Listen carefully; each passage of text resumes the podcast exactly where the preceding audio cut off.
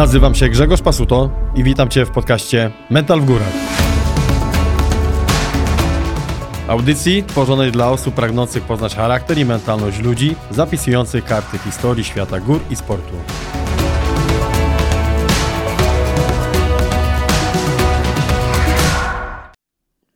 Dzisiaj moim i Waszym gościem jest Adam Gomola, autor książki Travers, którą serdecznie polecam. Jutro, y, czyli w sobotę, y, nie, w piątek, jutro, czyli w piątek, jadę na zawody ski alpinistyczne y, do Zakopanego, które są przygotowaniem przed Patrol de Glacier i też dlatego zdecydowałem się przeprowadzić rozmowę z Adamem. Adam zgodził się, także jestem mu wdzięczny za to. Wywiad przeprowadzaliśmy w jego firmie Alpinka, Sklep i wypożyczalnia mieści się w Rybniku. E, zapraszam Was serdecznie tam. Kilka słów o Adamie. Ja tutaj przeczytam e, z książki e, rzeczy, których on nie chciał powiedzieć i których nie ma w wywiadzie, bo gdy zapytałem się Adama, Adam jak się przedstawić, to Adam powiedział po prostu przedstaw Adam Gomola. Więc skoro nie ma tego w wywiadzie, to przeczytam to, to co jest napisane w książce czyli Adam Gomola, żeby było jasne, rocznik 72, przewodnik tatrzański, beskidzki instruktor przewodnictwa i narciarstwa, mistrz polski, zdobywca Pucharu Polski w narciarstwie wysokogórskim, reprezentant Polski na Mistrzostwach Świata i Europy w narciarstwie wysokogórskim, uczestnik międzynarodowych zawodów Pieramento, Trofeo Mezalama, y, Adamelo Ski Ride, Patrol de Glaciers autor jednodniowych przejść trawersu Tatr Wysokich z Maćkiem Borowskim. E, I to macie akurat w filmiku, który Adam nam udostępnił. Pozdrawiamy Maćka. E, autor e, przejścia całych Tatr z Bartkiem Golcem oraz całego trawersu całych Alp z okolic Wiednia do Nicei w 34 dni. I to było w 2018 roku i przeczytam Wam tylko parę liczb, a w sumie tylko dwie. Pokonali w sumie 1690 km i 71 500 metrów przewyższenia. Te cyfry mówią same za siebie. Zauważycie, że moja rozmowa z Adamem była natchniona. Była natchniona, trwała długo.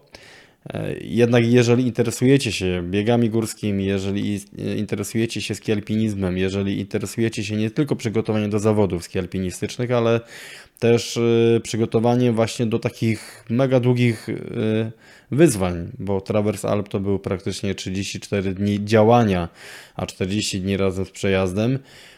Więc jeżeli jesteście ciekawi, jak do tego możecie się przygotować, jak fascynująca jest to przygoda, która zmienia y, percepcję postrzegania całego życia, to serdecznie zapraszam Was do wysłuchania, do obejrzenia y, tego podcastu. Dobra, czekaj Adam, bo, już powiedzieli, bo powiedzieliśmy tak. o wszystkim już. Tak, dobra.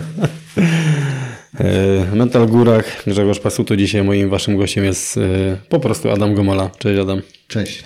cześć nie było was, a może puszczę to gdzieś tam e, behind the scenes. Obgadaliśmy już e, kilka tematów. E, powodem tutaj mojej obecności w jaskini ski alpinizmu jest przede wszystkim ta książka Adam Travers. Głównym założeniem tej książki jest to, co zrobiłeś w 2018 roku, prawda? Czyli to był Travers Alp, ale to jest taka wisienka na torcie, bo, bo to wszystko, co jest w tej książce opisane wcześniej, to odnoszę wrażenie, że bez bez każdej strony, która tutaj jest przed tym trawersem opisana, y, to nie, nie byłoby tego trawersu. Y, powiedz mi, kiedy zaczęła się przygoda twoja w ogóle z, z czymś takim jak skituring, bo, bo chyba wcześniej to był skituring, a dopiero potem to się przerodziło ski alpinizm. Znaczy ja myślę, że od samego początku, jak się urodziłem, założyłem pierwsze narty, no to były narty, które dzisiaj można by nazwać nartami skiturowymi. Czyli narty z wiązaniami Kandahar, mhm. czyli była wolna pięta, można było piętę podnosić. Czyli to był już taki skituring. Ja oczywiście nie zdawałem sobie sprawy, że to jest skituring. To dla mnie było narciarstwo. No ale dzisiaj nazwalibyśmy to skituringiem. Nie było oczywiście fok wtedy mhm. żadnych, bo ja tam chodziłem na Ale to były narty z takimi zaczepionymi jak narty śladowe? Czy I to były haczyki? Mhm. narty, które drewniane, bo to były robione kiedyś. No, ja jestem trochę jednak już stary. I w dzieciństwie nie miałem takich nart, y, nazwijmy to sklepowych, nie? Mhm. Więc to były narty robione z drewna i do tego były takie sprężynowe, wiadomo, skórzane buty i sprężynowe takie wiązania, na takiej sprężynie, one się ponosiły, wiązania typu kandahar. No i myśmy, wszystkie dzieci w okolicy tak spędzali wolny czas zimą, żeśmy na górkę w, szli na tych nartach, zjeżdżali, potem żeśmy podchodzili pod tą górkę za kosami, cudawianki, żeby tylko się do góry dostać. No a później z domu zjeżdżali, no i tak to trwało pół dnia. A pa pamiętasz, że to były Polsporty? Bo ja pamiętam... To, to ja były pa- no. Później miałem, później miałem jak już y, po raz pierwszy pojechałem na normalne zjazdówki, Mhm. czy narty zjazdowe.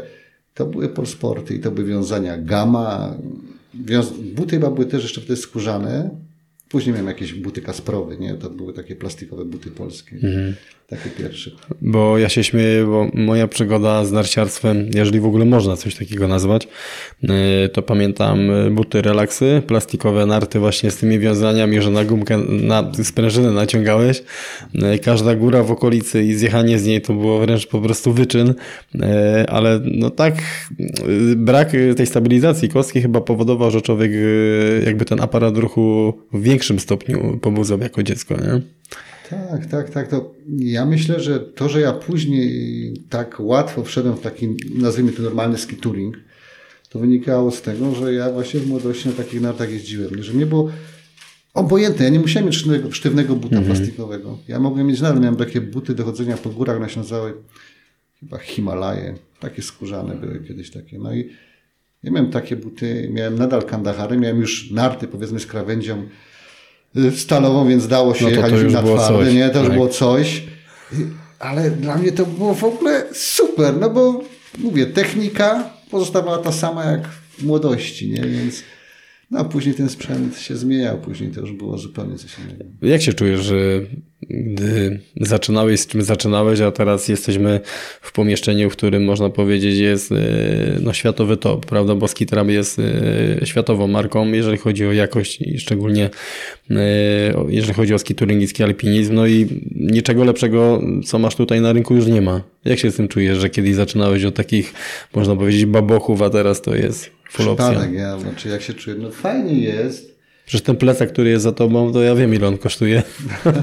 A kiedyś to pukeltasze się zakładało i też się szło. No tak, tak, tak. No ale mówię, to był przypadek, jak kiedyś, jak rozpoczynaliśmy współpracę z firmą Skitrap, to naprawdę był przypadek. Kolega do mnie zadzwonił, z którym wtedy startowałem na skiturach i mówi mi tak, słuchaj, jestem tutaj w fabryce Skitraba, chcesz narty wyczynowe? Ja mówię, a co, po co mi? A on mówi, nie, no są tutaj skitrabowskie, wiedziałem, co to jest skitrab, nie, ale jeździłem wcześniej na dynastarach, mówię, kurczę, miałem dynastary 1,80 A m. Dynastary Alpy też e, znana marka przecież. Tak, dokładnie. Wtedy to był jakiś tam powiedzmy top, nie? Te narty 180. A on mi mówi, że ja mam sobie kupić teraz Skitraba 164. Ja mówię, ale jak to 164? Ja mam jeździć na takich nartach. Ile gdzieś- masz wzrostu?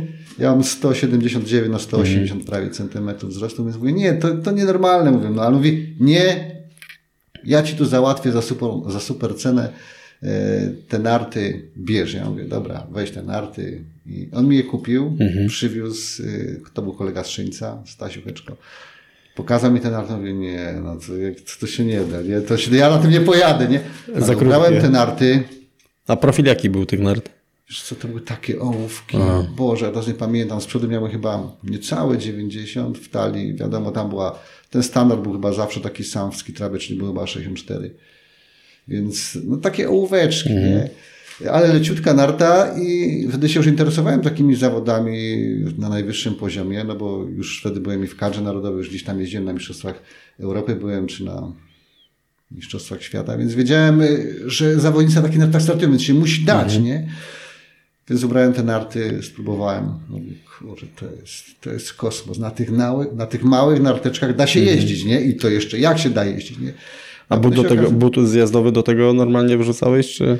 Tak, no myśmy wtedy już mieli, to był 2000 chyba czwarty rok, więc myśmy wtedy mieli już sprzęt, no, na takim powiedzmy wysokim, może nie na najwyższym poziomie tak ci konkurenci z tych mistrzostw świata. Nasi natomiast, jasne, to już był sprzęt taki klasowy. Ile miałeś lat, jak y, wszedłeś na narty w ogóle?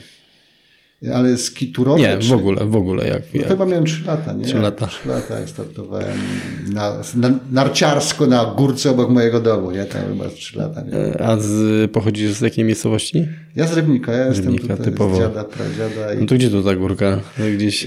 Kilometr stąd, y, tam za domem moich rodziców. Ale było tak, nie? Że te górki osiedlowe to stanowiło taki mega plac zabaw. Nie? Jak dziecko wyszło po szkole, to wracało tak naprawdę o 19-20.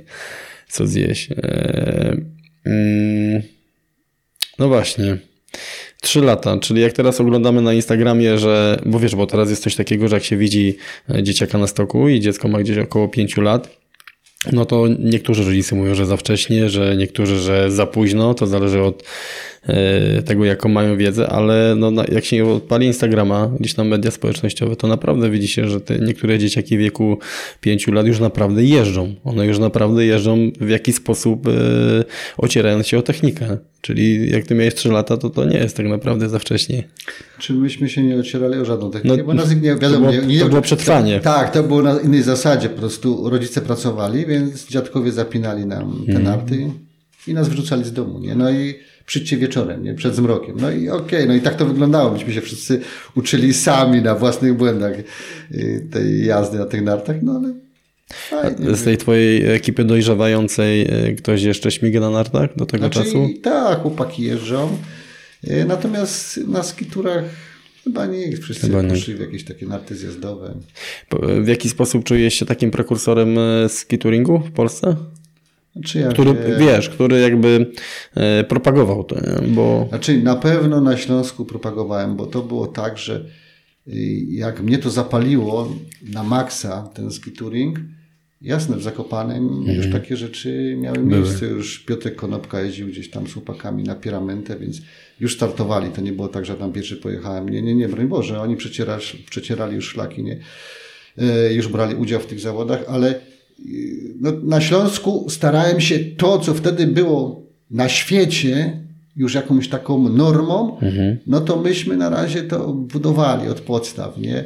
No myślę, że teraz to jest taki poziom, że w zasadzie każdy chłopak, który chce, ma przede wszystkim dostęp do sprzętu z najwyższej półki. tak, a może mieć wszystko. Może mieć wszystko. To kwestia oczywiście finansów, Tak. nie? No bo ten sprzęt nie jest tani.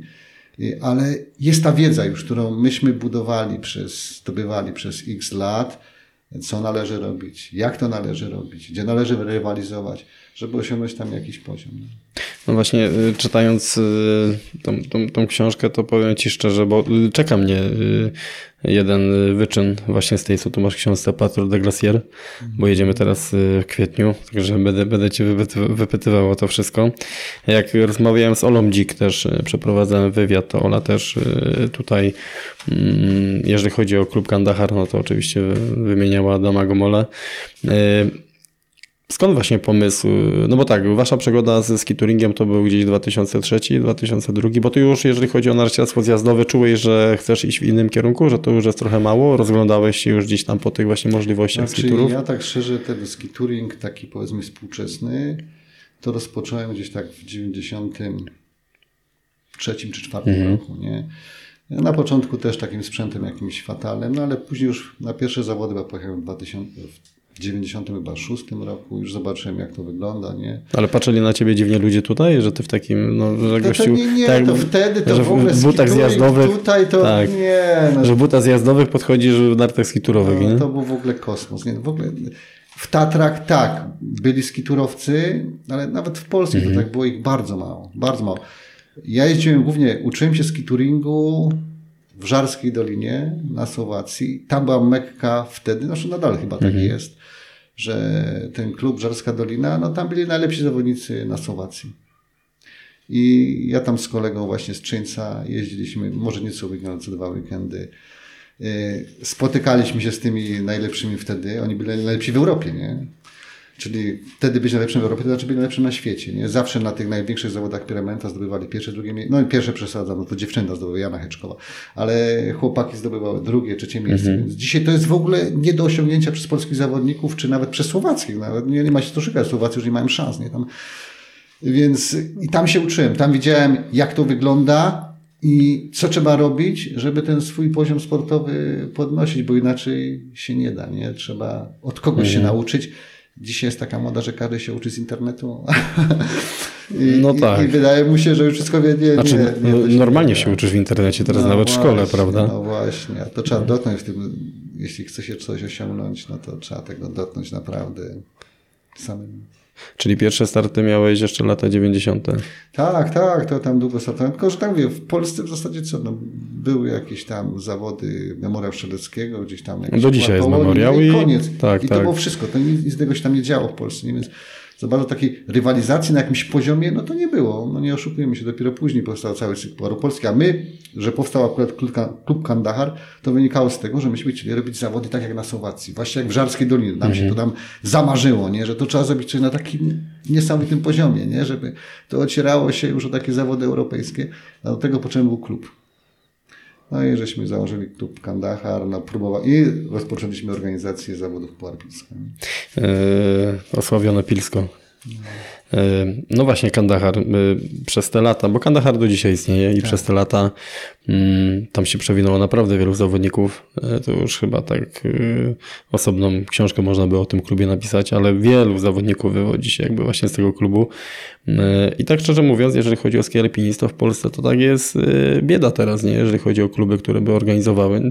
Nie wiem, wydaje mi się, że w e, Alpy e, Połączenie biegów ultra i ski alpinizm to jest tak naprawdę jedno, czyli jest wykorzystywany potencjał ski alpinizmu, natomiast chyba nie wiem, czy, czy u nas w Polsce, biorąc pod uwagę ilość skiturowców, która się pojawia ostatnie 3 lata, to jest e, wzrost prawdopodobnie o 100%, nie? Nie wiem, może, może jest jeszcze pole jakieś do popisu, żeby coś takiego zrobić. Jak sądzisz? Nie wiem, powiem szczerze, nie wiem, no nie mogę powiedzieć, że to jest regres takiego sportowego ski alpinizmu w Polsce, nie? bo to nie jest tak. Ciągle są nowi ludzie, y, ciągle jest rywalizacja. Problem jest w czymś innym, że dużo jest, nazwijmy takich turystów skiturowych. Y, To już osobna gałąź taka zrobiła się tak, rynku wręcz. dokładnie tak. Natomiast tych, którzy chcą rywalizować, czy też ta liczba się zwiększa cały czas. Natomiast ten świat poszedł tak do przodu, że nawet jeśli jest tam powiedzmy jakiś talent, on w zetknięciu już z tymi zawodnikami z Europy Zachodniej po prostu nie ma żadnych szans. Tam ten poziom jest wyśrubowany już do granic możliwości, a olimpiada dopiero za 4 lata, więc ja sobie nie mogę nawet wyobrazić, jak będzie wyglądał ski alpinizm za 4 lata. No, jak, jak widzę te rekordy, które są nieustannie pobijane e, w różnych kwestiach e, przejść, no to wydaje się, że to już nie da się szybciej, a potem ktoś się okazuje i jednak, nie?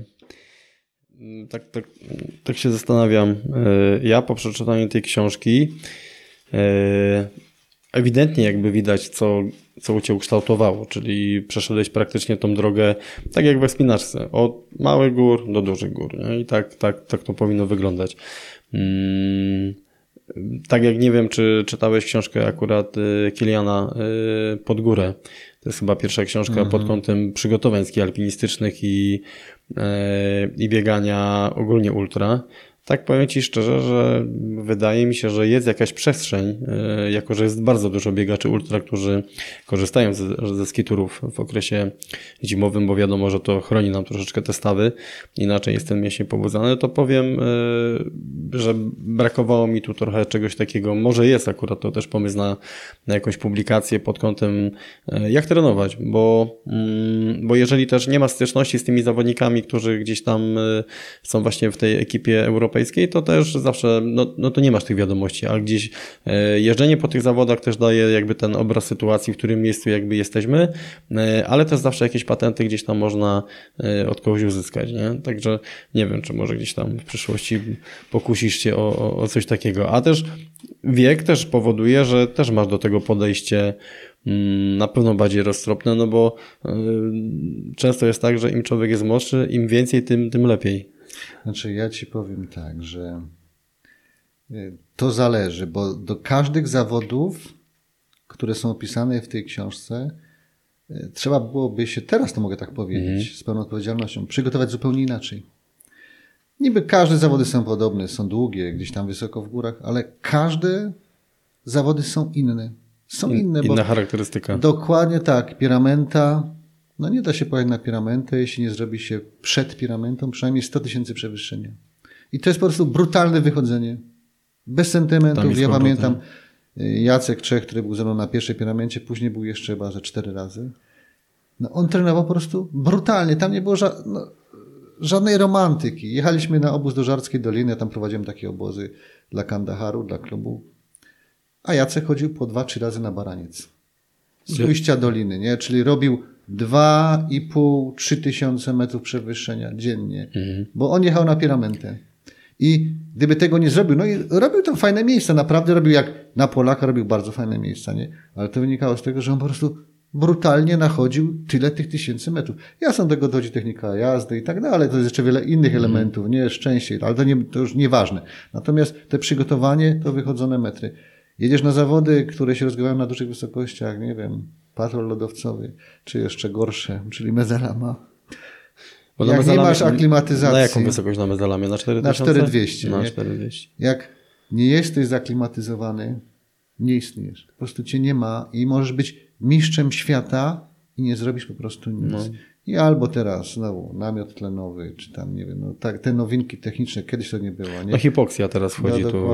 Albo masz tyle czasu i tyle pieniędzy, że siedzisz w tych Alpach wysoko i tam się trenujesz i jesteś przygotowany, ale po prostu czasami kończysz tak jak my. Ja pamiętam zawody, nie ma w tej książce Mhm. o tych zawodach, to był Adamello Ski Ride. Startowałem z kolegą, no i idziemy po lodowcu na, na Adamello, najwyższy szczyt tej grupy. Pełne słońce, 3300, my bez aklimatyzacji, bośmy przyjechali dwa dni wcześniej. No byliśmy tam gdzieś, żeśmy spali w schronisku, pamiętam. No ale to za późno, Zobacz, żeby... To za późno, tak. to w ogóle bez sensu, Tak. byliśmy tylko zmęczeni, nie? I ja patrzę, a tutaj idzie taka pani, która wyglądała tak na 50 parę lat, z jakąś dziewczynką, ja już mówiłem babcia z, z wnuczką, nie? I ona po prostu mówi do tej wnuczki, nas mijają, nie? Mhm. Na normalnej, na normalnych zawodach, na normalnej wysokości, ja bym tą babcię zobaczył tylko na starcie i ona by przyszła dwie godziny za mną, nie? Na tej wysokości myśmy nie istnieli, a ona po prostu nas mijała, tak jakby ona była, bo ona była w swoim środowisku, nie? A myśmy nie byli w swoim, środowisku. Myśmy zostali wyrwani z wysokości 250 metrów nad poziomem morza i ktoś nas wyrzucił na 3,5, nie? Jeszcze zmęczeni podróżą. I... Dokładnie tak, więc to się nie da i, i zupełnie można tu trenować niesamowite przewyższenia, niesamowite godziny treningu. Natomiast jedzie człowiek tam bez aklimatyzacji i ginie i po prostu go nie ma. No, nam udało się tylko załatwić hipoksję e, w Zakopanem, więc będziemy mieli cztery noclegi. Zobaczymy, czy to wystarczy.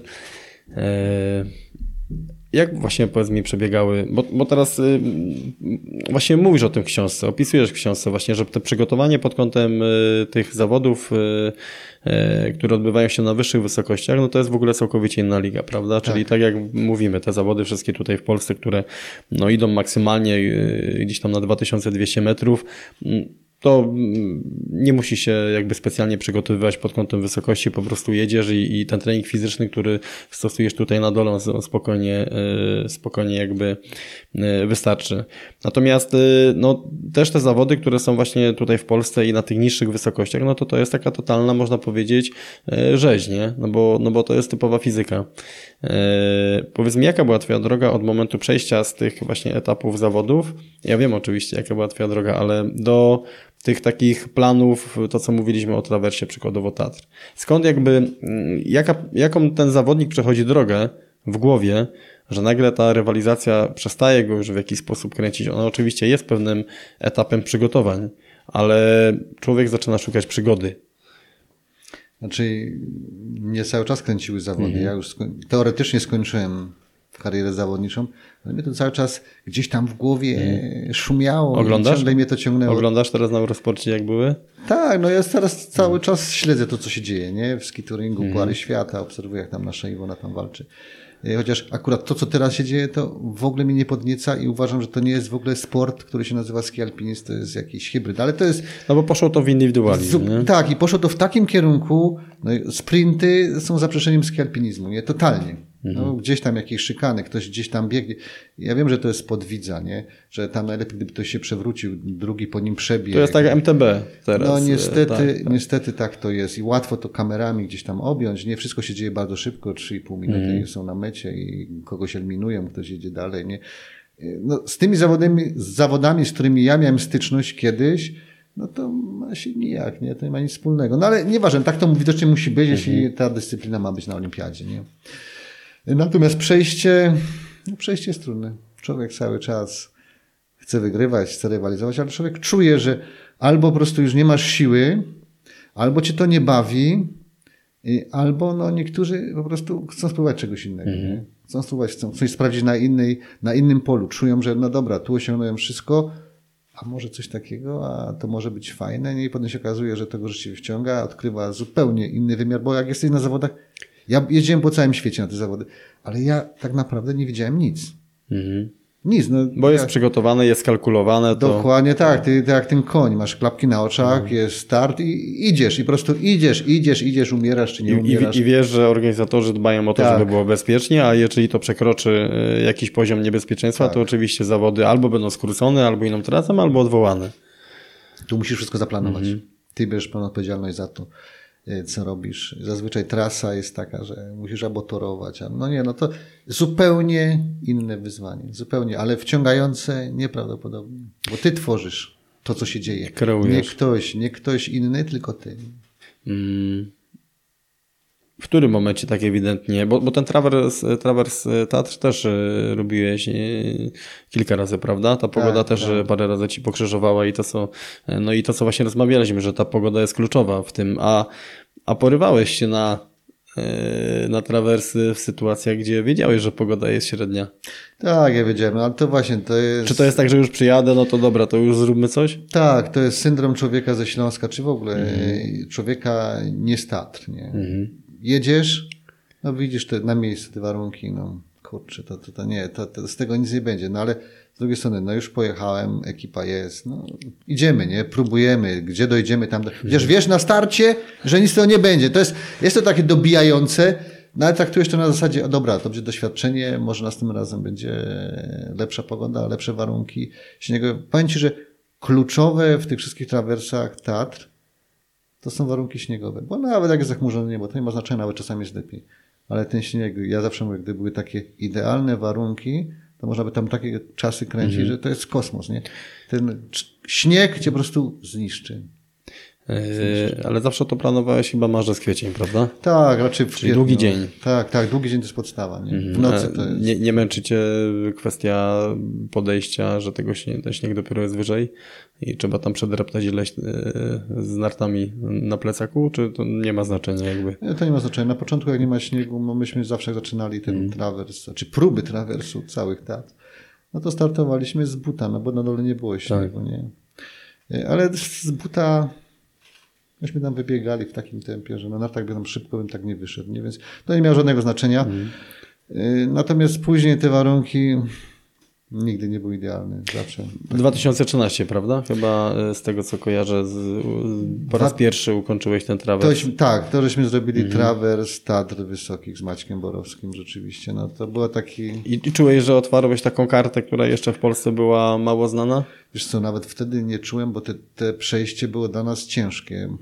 Znaczy, z perspektywy późniejszych przejść, to wydawała mi się to bułka z masełkiem, nie? Po prostu, no śmieszne, po prostu, po prostu te przejście, trawers stad wysokich wydawało mi się później już naprawdę śmiesznym wyzwaniem, nie?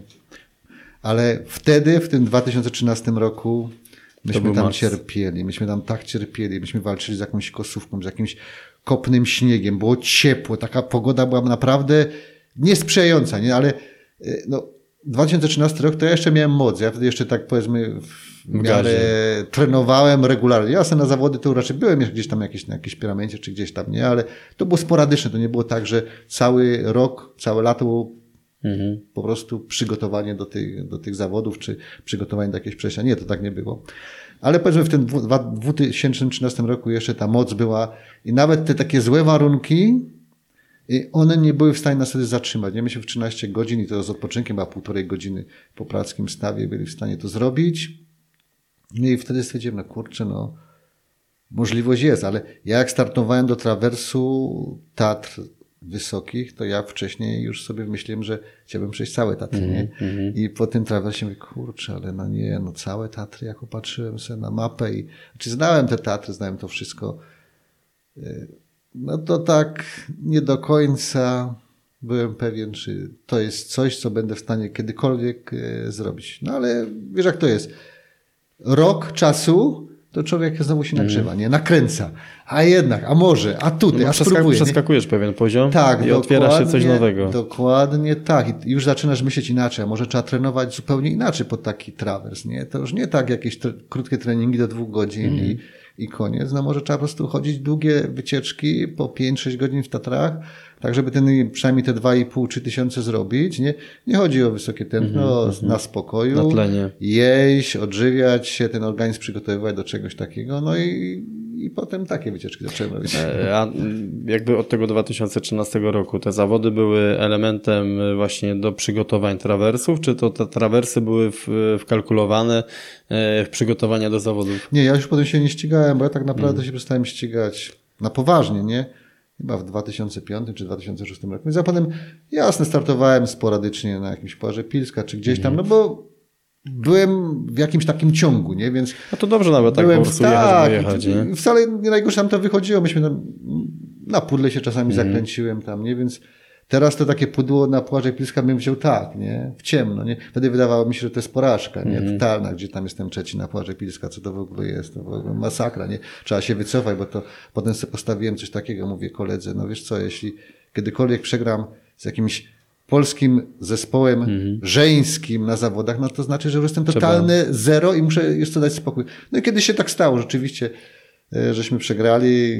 To już było, to jest dawno, dawno, dawno, już byłem emerytem, nie, ale żeśmy przegrali z kobietami i mówię, nie, to jest dla mnie, dla mnie to jest koniec, no bo jak kiedyś, powiedzmy, wygrywałem bez problemu, a czy bez problemu, zawsze to był duży wysiłek, nie, ale wygrywałem te zawody Puaru Pilska tam trzy razy, a teraz przegrywam z kobietami, no to znaczy, że jestem już po prostu za słaby, nie, na, na zawody się już nie nadaje, no i, i koniec, no i skończyłem z tymi zawodami. E, Kwestia wieku, czy po prostu, bo też poziom rośnie. Z roku na rok ten poziom rośnie. e, Poziom rośnie, tak, ale jak myśmy rywalizowali, też kobiety były to nie, wtedy też Mhm. były mocne kobiety, nie? Ja pamiętam, kurczę, czy, y, czy na Słowacji, czy gdzieś, jak pojechaliśmy na zawody międzynarodowe, oczywiście, nie mieliśmy szans do najlepszych kobiet. To, był nie ma się, Nie, wyższy. to ja nie, ja nie byłem w stanie wygrać z najlepszymi kobietami wtedy na świecie, nie? E, To zazwyczaj żeśmy się kręcili na piramencie, no, na innych zawodach, koło trzeciego miejsca kobiecego, nie? To było gdzieś to nasze miejsce w szeregu, nie? No ale w Polsce, no to, no to, W Polsce to był top.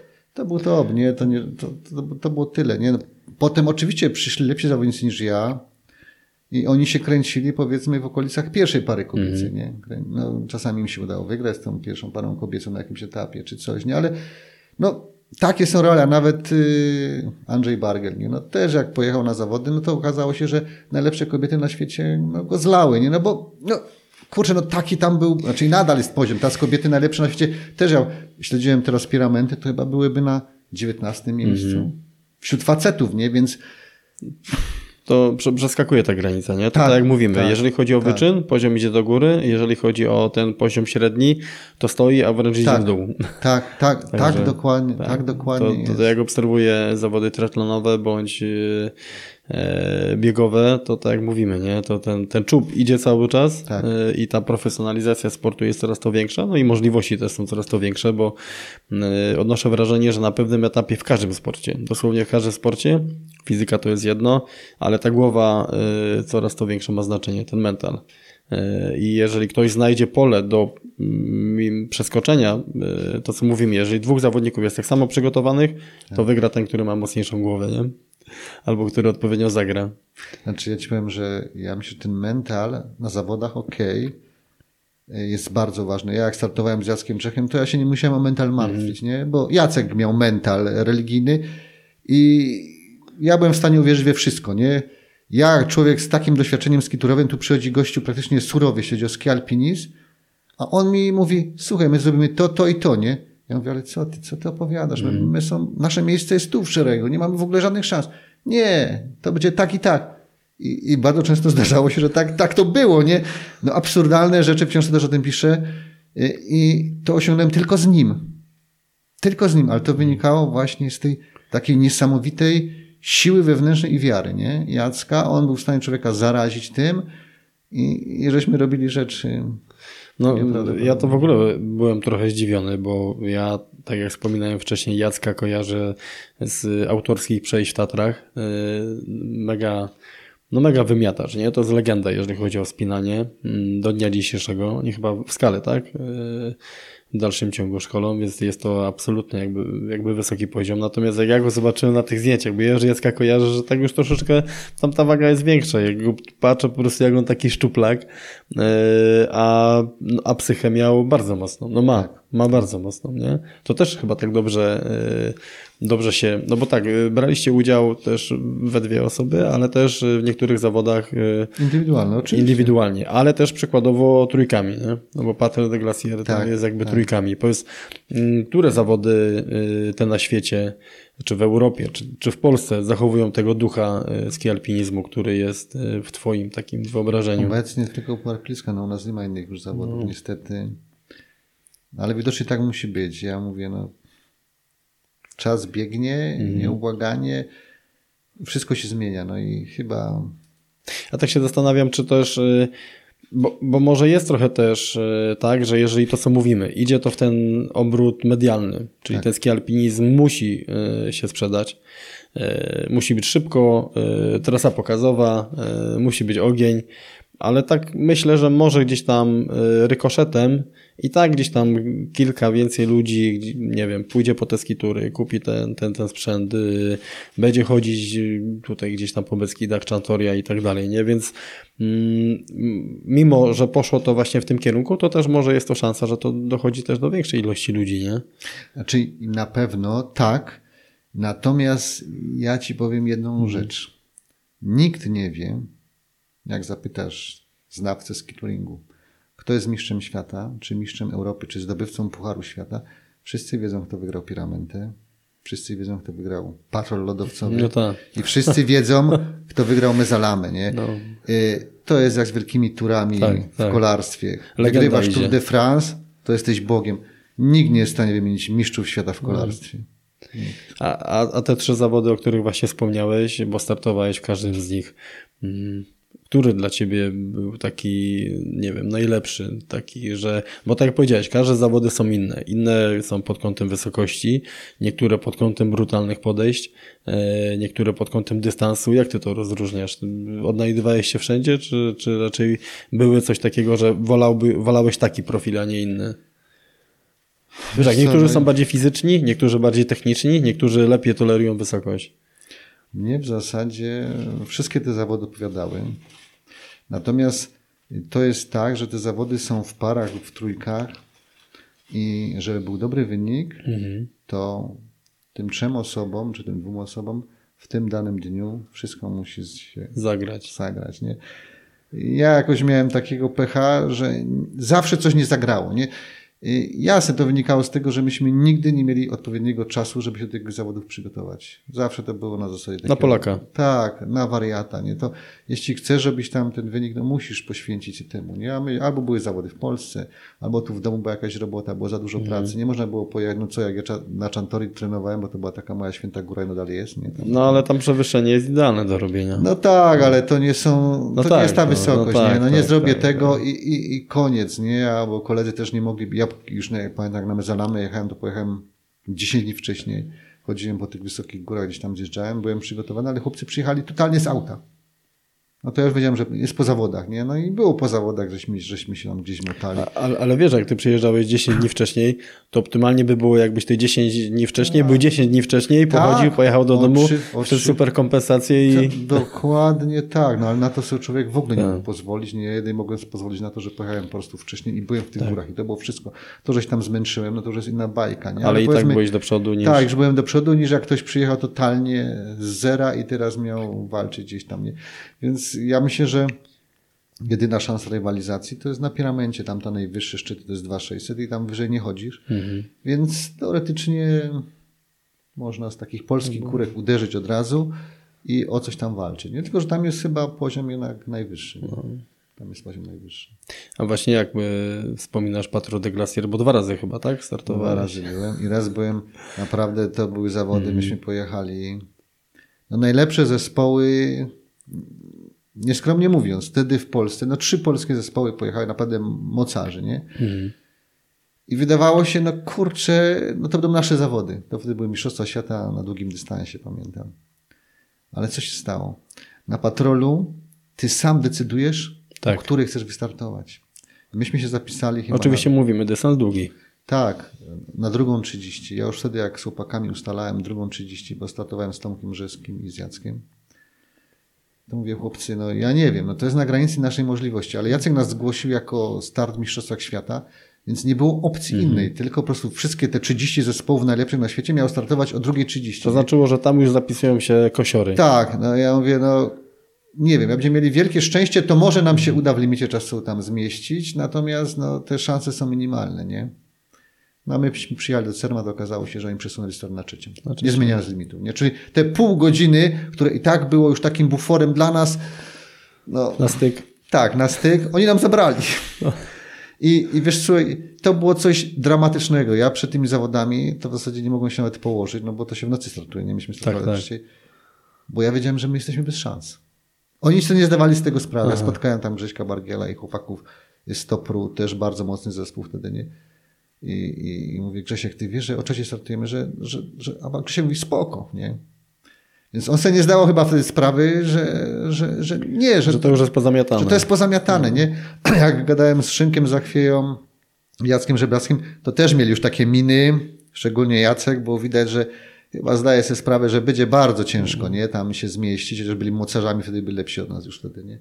No, ale tam się mogło wszystko w tych górach zdarzyć, nie? No i wystartował, początek był całkiem, całkiem, żeśmy tam na, naprawdę naginali, no wiesz, no jest adrenalina, chcesz się Tak, zmieścić tak, w limicie, tak. nie? Ale potem y, wszystko powoli Systematycznie. tak, zaczęło jak mówią, wracać do normy, jakaś tam wywrotka, rozerwana uprząż, coś tam jeszcze. I już nie było y, bufetów, aroli, nie, więc a tego jedzenia tośmy mieli na styk.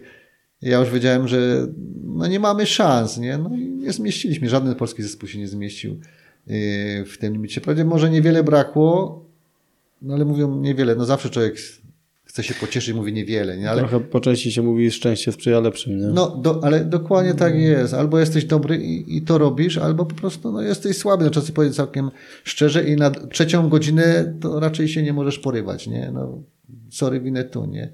A za drugim razem no, to pojechałem totalnie asekurancko. Nie chodziło mi już o żaden wynik. Czy nie pisaliście się właśnie na tą 30? Tak, myśmy się zapisali chyba na 12 w nocy. Bo mi się wydawało, dobra, pójdziemy zawody, przejdziemy się, będzie fajnie, nie? Chcę, chcę to przejść, no bo... A, a nie są to tanie zawody też, trzeba nie są to tanie zawody, nie? No i, i też był dramat z innego powodu, bo się okazało, że jakieś o drugiej w nocy, ja o tym nie wiedziałem, bo wtedy jak startowałem o trzeciej, to wszystko było wyczyszczone, nie było żadnych zawodników, tylko była ta elita, nie? A tu o tej dwunastej okazało się, że jest pełno ludzi na trasie, bo ci co o dziesiątej, jak żeśmy ich dogonili, to oni już stali w kolejce, nie? I ty się łapiesz na kolejkę i nie możesz tam, wojsko pilnuje kolejki, nie? I stoisz w tej kolejce, i stoisz, i stoisz, jest- jest ci zimno, nie? Świta, minus 15, a ty marzy, wyciągasz kurtkę puchową. A tu się okazuje, że ci, co startują, czyli kobiety o drugiej, a mężczyźni o trzeciej, mają Boczny tor. puszczoną z boku trasę i oni mogą przeskakiwać bez kolejki, nie? I wtedy dopiero mówię, kurczę, gdybym to wiedział, mieliśmy taki zespół, że teoretycznie mogliśmy wystartować o drugiej i chyba byśmy się zmieścili, nie? Aby się nic złego nie wydarzyło, to o drugiej byśmy się zmieścili i z kobietami tam gdzieś byśmy pociśli, nie? No ale no nie, nie, nie zapisaliśmy się na drugą, to był Ale, ale byłeś ustosunkowa- jakby zadowolony z tego, że w ogóle... Tak, nośmy doszli, no wiesz, no to, potem, to się, ja mówię, skończył się wyścig na tej drugiej przełęczy i potem żeśmy już to już po prostu grzecznie tylko do mety szli. To Tam tak nie- musisz mieć, powiem ci, No nie, no to, to tak sponiewiera, no, że to, jest- siądzie, to, to, to wiesz. no. Tak, to jeżeli jest w stanie biec, bo ja wiem jak myśmy biegli, na Tete Blanche, to wybiegasz, po prostu wybiegasz na Tete Blanche, te pierwsze 2000 i zjeżdżasz do Aroli Mhm. i po prostu tak cytryna wyciśnięta. I te drugie na Col de Ridmaten, chyba tak jest to drugie podejście. I po prostu już są zwłoki, nie? Jak nie masz wychodzonych, długich przejść, po prostu są zwłoki, nie istniejesz, nie? A tam pod tą drugą przełęczą właśnie jest ta kolejka, nie? I tam ci to wybija całkowicie, już z głowy w ściganie, wszystko ci jest wybite automatycznie. Masz dojść, stoisz w kolejce, marzniesz, amen. Więc ja sobie potem pomyślałem, znaczy trzeci raz tam już nie pojadę, że trzeba było wystartować albo o dziesiątej, że idziesz pierwszy. I po prostu przelatujesz, tylko że wejdziesz całą trasę w nocy. Tylko, że też szorujesz, nie? Jakby Dokładnie. czyścisz, nie? Trochę tam Dokładnie tak, ale wiesz, ale może wolny No. przed. Ile dajesz, tyle dajesz, nie? Nikt cię nie ogranicza, nie? Dlatego mówię, to jest to nocne przejście, ale po prostu ryzykujesz i startujesz o drugiej w nocy. No ale to wtedy za drugim razem jaki byście mieli czas wtedy?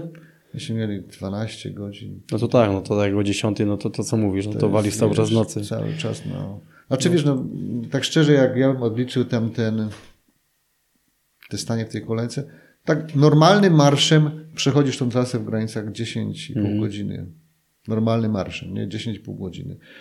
Yy, natomiast jak ci gdzieś tam przyblokuje, koniec. No tak, no to no i tak mówisz, to wybijasz, bo chłodniesz, nie? No dobra, Tak, możesz tam tak, coś, wiesz, a też masz wszystko co najlżejsze, więc też tam nie, nie docieplisz się, nie? A potem wszystko zależy jaka jest pogoda, nie? No. No. To też ma znaczenie. Jak masz za ciepło, to giniesz. Jak jest za zimno, to po prostu walczysz o przetrwanie. No więc i tak źle, i tak niedobrze. No. No nigdy nie dogonisz. Mm, Dobra, przejdźmy teraz płynnie do, y, no do trawersu Alp. Y, Ja ogólnie działam w górach y, długodystansowo, ale to mnie, no zainspirowało mnie to, prawda? Ten trawers, myślę, że też chyba taki cel tych, tych trawersów, ludzi, którzy robią coś więcej ponad to niż każdy mm, i łączą to w jakąś właśnie całość, to to jest właśnie fajne, że, że to inspiruje. I y, no 34, 33, tak, etapy. y, średnio tam 2,5 tysiąca przewyższeń. To też fajnie się mówi średnio, nie? Ale, ale to nigdy nie jest tak średnio, bo to wystarczy, że w jeden dzień y, przyłoisz trochę więcej y, i już jest człowiek trochę dętka, nie? Y, ile lat dojrzewa w tobie jakby myśl o, o trawersie Alp? Wiesz co, ona dojrzewała chyba z 10 lat, bo ja jak za, zabrałem się na, za trawers mm, Tatr, to ja wiedziałem, że, że coś takiego jest, że już wcześniej wiedziałem, tylko wtedy nawet mi do głowy nie przyszło, że ja kiedykolwiek na coś takiego będę chciał się porwać, nie? Bo wydawało mi się totalnie jakiś abstrakcyjny, jak czytałem Bonatti przechodzi trawers, nie? Mówię, kurczę, gdzie tam Alpy całe, jak na nartach można przez całe, to jest jakieś niedorzeczne, nie, nie, nierealne, to w ogóle jest jakby inny wymiar, nie? Yy, No ale jak właśnie powoli kończyłem już te trawersy tych, tych teatr i już jakieś tam doświadczenie zebrałem na tych trawersach, nie? Raz dostałem w dupę, drugi raz, tu się nie udało, tu coś się niedograne, nie? To już wiedziałem, że no, no muszę spróbować, no przecież ludzie złoci, no jest skoro y, tutaj się udało, no to może przynajmniej do Brennera dojdę. No jak y, po raz pierwszy tak publicznie powiedziałem, że chcę, chcę pójść na coś takiego, no to tak u mnie w klubie tak ludziom gadali, no no może do tego Brennera, nie? No może tą Austrię uda się przejść, nie? Ja, ja powiem całkiem szczerze, no y, ja tak samo myślałem, nie? To nie jest tak, że ktoś mi źle życzył, nie? No, ja dokładnie tak samo myślałem, kurczę. Potem jak żeśmy już szli z Bartkiem Golcem, no też, to też nie był człowiek przypadkowy, bo ja z Bartkiem robiłem te wszystkie tam przejścia Tak, też tak. w Wcześniejsze. Tatrach, a potem to był gościu no, z kadry olimpijskiej w biatlonie, jakiś tam mistrz i tak dalej, więc Bartka znałem x lat i sportowiec z najwyższej półki, nie? Więc nie człowiek z przypadku. Ale jak byliśmy na Brennerze, to mówię, wiesz co Bartek, no to może przynajmniej jakby do tego Kurmajer się nam udało dojść, to bylibyśmy już normalnie czempionami nadczempiony, nie? No, za jakiś czas zapukaliśmy do drzwi Kurmajer, nie? Jak byliśmy w Kurmajer, ja mówię, no teraz to fakt, tam nie było akurat pogody, nie? Ja już wiedziałem, że na Mont Blanc nie pójdziemy, ale to byśmy wiedzieli już parę dni wcześniej, bo Mhm. A to pogoda... byłaby taka, nie? Wisienka na torcie To była, jeszcze. wiesz co, myśmy cały czas, cały czas żeśmy tak próbowali z tym czasem, żeby nam pogoda siadła w rejonie Mont Blanc, żebyśmy mogli wejść tam, nie? Mm, Ale czym byliśmy bliżej, wiesz, no te prognozy, to my w zasadzie cały czas siedzieliśmy na prognozach pogody. A, tak, Wiesz, kluczowe. jak to jest kluczowa sprawa, no, no, nie ma siły, nie? Kluczowa sprawa. Ja wiedziałem, jak to się wszystko zmienia, idzie to w złym kierunku, nie? I akurat czym bliżej, tym było gorzej, nie? Czym bliżej, no potem ta pogoda już totalnie nam siadła, tak, że Mhm. zamurowało na amen. To gdzieś żeśmy tam próbowali przez jakieś ośrodki narciarskie, żeby przejść, ale po prostu nie zginąć, nie? W tych górach i posuwać. Najważniejsze było posuwać się do przodu. Ja mówię, Bartek, teraz musimy sobie ustalić priorytety. Czy my siedzimy w Kurmajery, czekamy 3-4 dni na, na poprawę? No 3-4 dni miała pogoda się poprawić, Mhm. nie? ale wiadomo, że pierwszego dnia po poprawie nie zaatakujemy, bo śnieg się musi ustabilizować i tak dalej. Nie? Najlepiej jak to ktoś jeszcze przetoruje. Ja by jeszcze ktoś, właśnie, ludzie No. by ruszyli, my szybciutko po śladach, lach, ciach, ciach, wyjdziemy po szynie i gotowe. Nie? Y, Ale wtedy żeśmy sobie to wyklarowali w kamperze, że nie, że naszym głównym celem jest dojść do Morza Śródziemnego. Ten Mont Blanc może zostać, to nie jest najważniejsze, natomiast ważniejsze jest iść dalej i, i ukończyć trawers, no i poszliśmy dalej. Ale mm, bo wiesz, y, opisałeś ten trawers teraz w 10 zdaniach, natomiast y, ja sobie zdaję sprawę z racji tego, że ja jakby chodzę po terenie przygodnym y, i skituruję i to też moja przygoda z, z y, kituringiem zaczęła się, gdy w 2013 do naszej jednostki trafiły narty i pamiętam wtedy jak wychodziliśmy na tych nartach na murowanie, to tam e, inne chłopaki z wojsk specjalnych, wow, bo to już na szynach wszyscy chodzili. No my już mieliśmy wtedy, wiesz, pinówki, nie? I wszyscy, wow, ale macie narty. No już zazdrościli po prostu. Ja e, wtedy zacząłem swoją przygodę e, ze skituringiem i uważam, że przerodziło to się w coś no, no fantastycznego, bo szkole praktycznie też na narcie cały czas, jeżeli chodzi o, o, o, o Tatry super jakby e, oszczędność czasu i teraz wszyscy instruktorzy ogólnie w Tatrach to można powiedzieć e, z grupami chodzą na nartach, a, a jakby szkoleni chodzą z buta.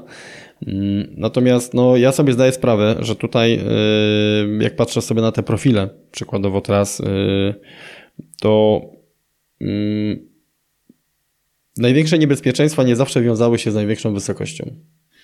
I, I to jest taki trochę paradoks, nie? że można e, śmignąć na większej wysokości przy dobrej pogodzie i nie ma problemu, a nagle tu przy mniejszej wysokości, e, gdy jest mleko, gdy terenu nie znasz, no bo nie chodziłeś tam wcześniej, po prostu nie znasz i, i stykasz się z tą przygodą, ale to czujesz po prostu podskórnie i jest tutaj kilka takich sytuacji, że no po prostu błąd może kosztować życie.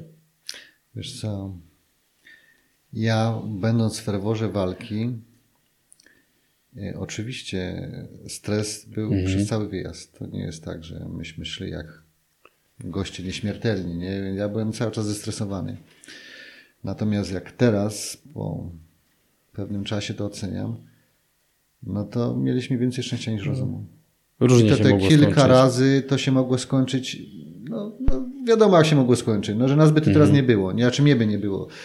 Yy, I nie ma się co oszukiwać i też szczęście jest chyba najważniejszym czynnikiem, no bo wiesz, ty jesteś w głupiej sytuacji wtedy, bo myśmy sobie powiedzieli, idziemy cały czas, mamy ograniczony yy, jakiś tam terminarz, mamy, musimy, no wiadomo, nie możemy tam siedzieć 100 dni, bo były takie przejścia, że ktoś szedł 100 dni, nie. Y, Okej, no ale my nie mogliśmy sobie pozwolić na coś takiego, więc idziesz nawet wtedy, kiedy normalnie byś nie poszedł. Bo byś powiedział, Tak, nie, w tak, Tatrach bym tak. nie poszedł w życiu, bym powiedział, nie, no dzisiaj to się nie nadaje w ogóle do chodzenia, nie idę, idę gdzieś tam, posiedzę sobie w knajpie czy gdzieś, nie, albo jedę do domu i, i, i gotowe, nie. A tam jesteś, no jest taka pogoda jaka jest, nie, wstajesz rano, ubierasz się, I trzeba coś wyrzeźbić. i trzeba coś wyrzeźbisz, nie? I rzeźbisz, i rzeźbisz. I wszystko jest na granicy w zasadzie takiego zdrowego rozsądku i tego stanie się, czy się nie stanie, nie? I, i powiem Ci, że psychicznie jesteś tak zmęczony. My później na koniec w zasadzie tego całego naszego przejścia, myśmy fizycznie czuli się fenomenalnie. Myśmy, dla nas wtedy machnąć 2500, 2600, to było jak wyjść z domu na spacerek, nie? Ale psychicznie już byłem wykończony. Myśmy chcieli do domu, bo psychika była wystawiona do granic. Między górami poruszaliście się na rowerach. Y, Jak się czułeś, gdy byłeś już zmęczony i to, co właśnie mówimy, były sytuacje, gdy to już było troszeczkę na krawędzi, a potem musiałeś wsiąść jeszcze na rower, gdzie te warunki też nie były optymalne, tylko to, co mówimy, było to chlapa, y, pada, no to czyli jedziesz cały czas tak naprawdę zmoczony. Mm, Jak ty już odbierałeś te właśnie dojazdy pomiędzy, pomiędzy górami? Bo ja oglądałem Uliszteka. E, Ulisztek akurat robił taki wyczyn chyba 40 szczytów czterotysięcznych i przemieszczał się pomiędzy nimi na szosie. Coś takiego chodzi mi też po głowie, E, ale e, no to tam jakby, no lato to jest w ogóle inna para koloszy. To nie da się tego porównać. To co mówimy w ogóle o poruszaniu się w Tatrach latem, a zimą to jest w ogóle całkowicie inny level. E, Jak ty, no bo ja sobie wyobrażam, no to nic komfortowego. Męczyło cię te dojazdy na rowerach? Ty już nawet wtedy nic nie czujesz. Na, Czy na automacie? Na, ro, na rowerze już nie czujesz po prostu nic. Znaczy jasne.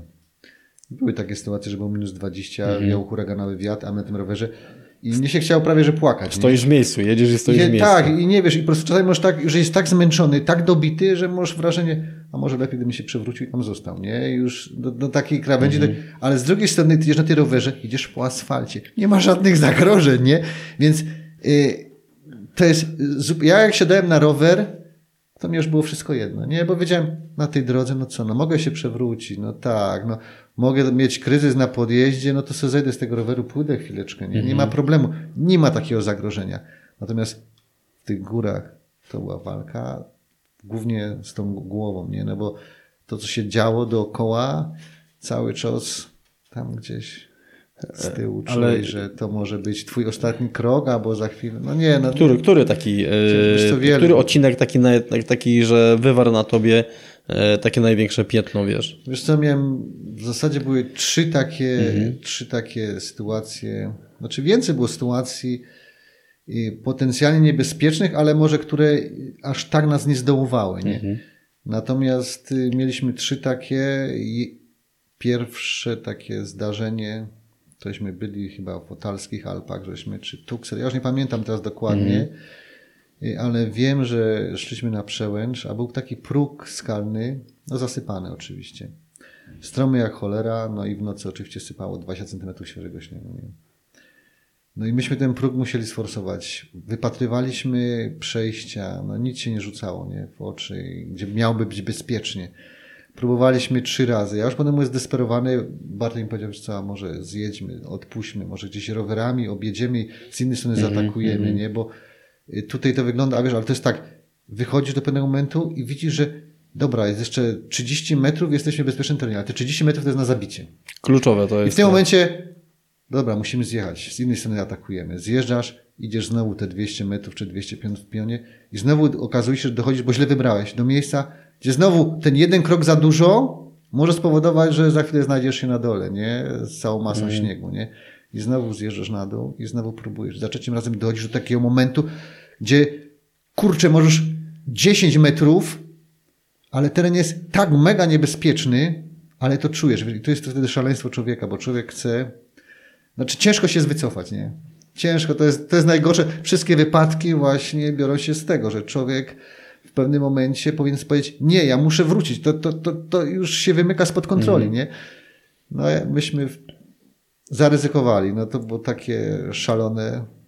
Udało się. Nie? Ja mówię, bo inaczej ja tego nie mogę wytłumaczyć, bo ja nigdy tak stromego, luźnego śniegu nie pamiętam i nigdy nie szedłem. Nie? A tam na, e, pokonywaliście ten próg na narcie, czy Na już narcie. Nie dało się. Ja zdjąłem nartę, bo myśmy potem Mhm. I to ostatnie podejście to między skałami jakieś próbowaliśmy, żeby broń Boże, nie, ta powierzchnia śniegu nie była za duża. Mhm. Mówię, na tym wielkim polu śnieżnym, jak gdzieś tam ruszy, no to nas po prostu przemieda. Mówię, w jakichś tych takich zakamarkach skalnych, jakoś się tam, wiesz, to się to zawijało, te skały jakoś to może Mhm. ustabilizują, jakoś to będzie bezpieczniejsze. Natomiast jak potem żeśmy doszli, gdzie się to otwarło, skały się skończyły, no to ściana nam stanęła dęba, zdjęliśmy nartę, ja się zapadłem po pas, nie? I próbowałem iść, to w zasadzie pływałem rękami i nie byłem w stanie się posunąć do przodu nawet o metr, nie? Mówię, no nie wyjdę, nie mam szans. Musiałbym chyba kopać. No nie, nie dałoby się. Mówię, musimy zaryzykować na nartach, nie? Musimy to za kosem, nie? Więc to było takie pierwsze przeżycie, naprawdę takie mocne, bardzo mocne, no ale skończyło się. Drugie to było jak nam idziemy pod Weissmisa, wydaje się, że warunki idealne. Wszystko, wiesz, idzie jak, jak, jak spłatka, nie? Tempo, ekstra. A tu ci na takim właśnie polu ogromnym, śnieżnym masz strzał, aby ci ktoś zdetonował bombę pod tobą, nie? Słyszysz, że tam dudni. Tak, i to taki strzał, powiem ci, ja miałem, no wiesz, to są ułamek sekundy i masz miękkie nogi, wszystko, że jest miękki taki i bezbronny taki, nie? Ale jest ułamek są i w tej głowie tylko jedna myśl, koniec. I nic więcej, nie? bo nie masz w stanie nic Bo normalnie zrobić. powinno pojechać. Normalnie powinno pojechać, chociaż te zbocze, wiesz, ja go oceniałem, bo to, to nie jest tak, że myśmy się prali w jakichś miejscach, gdzie...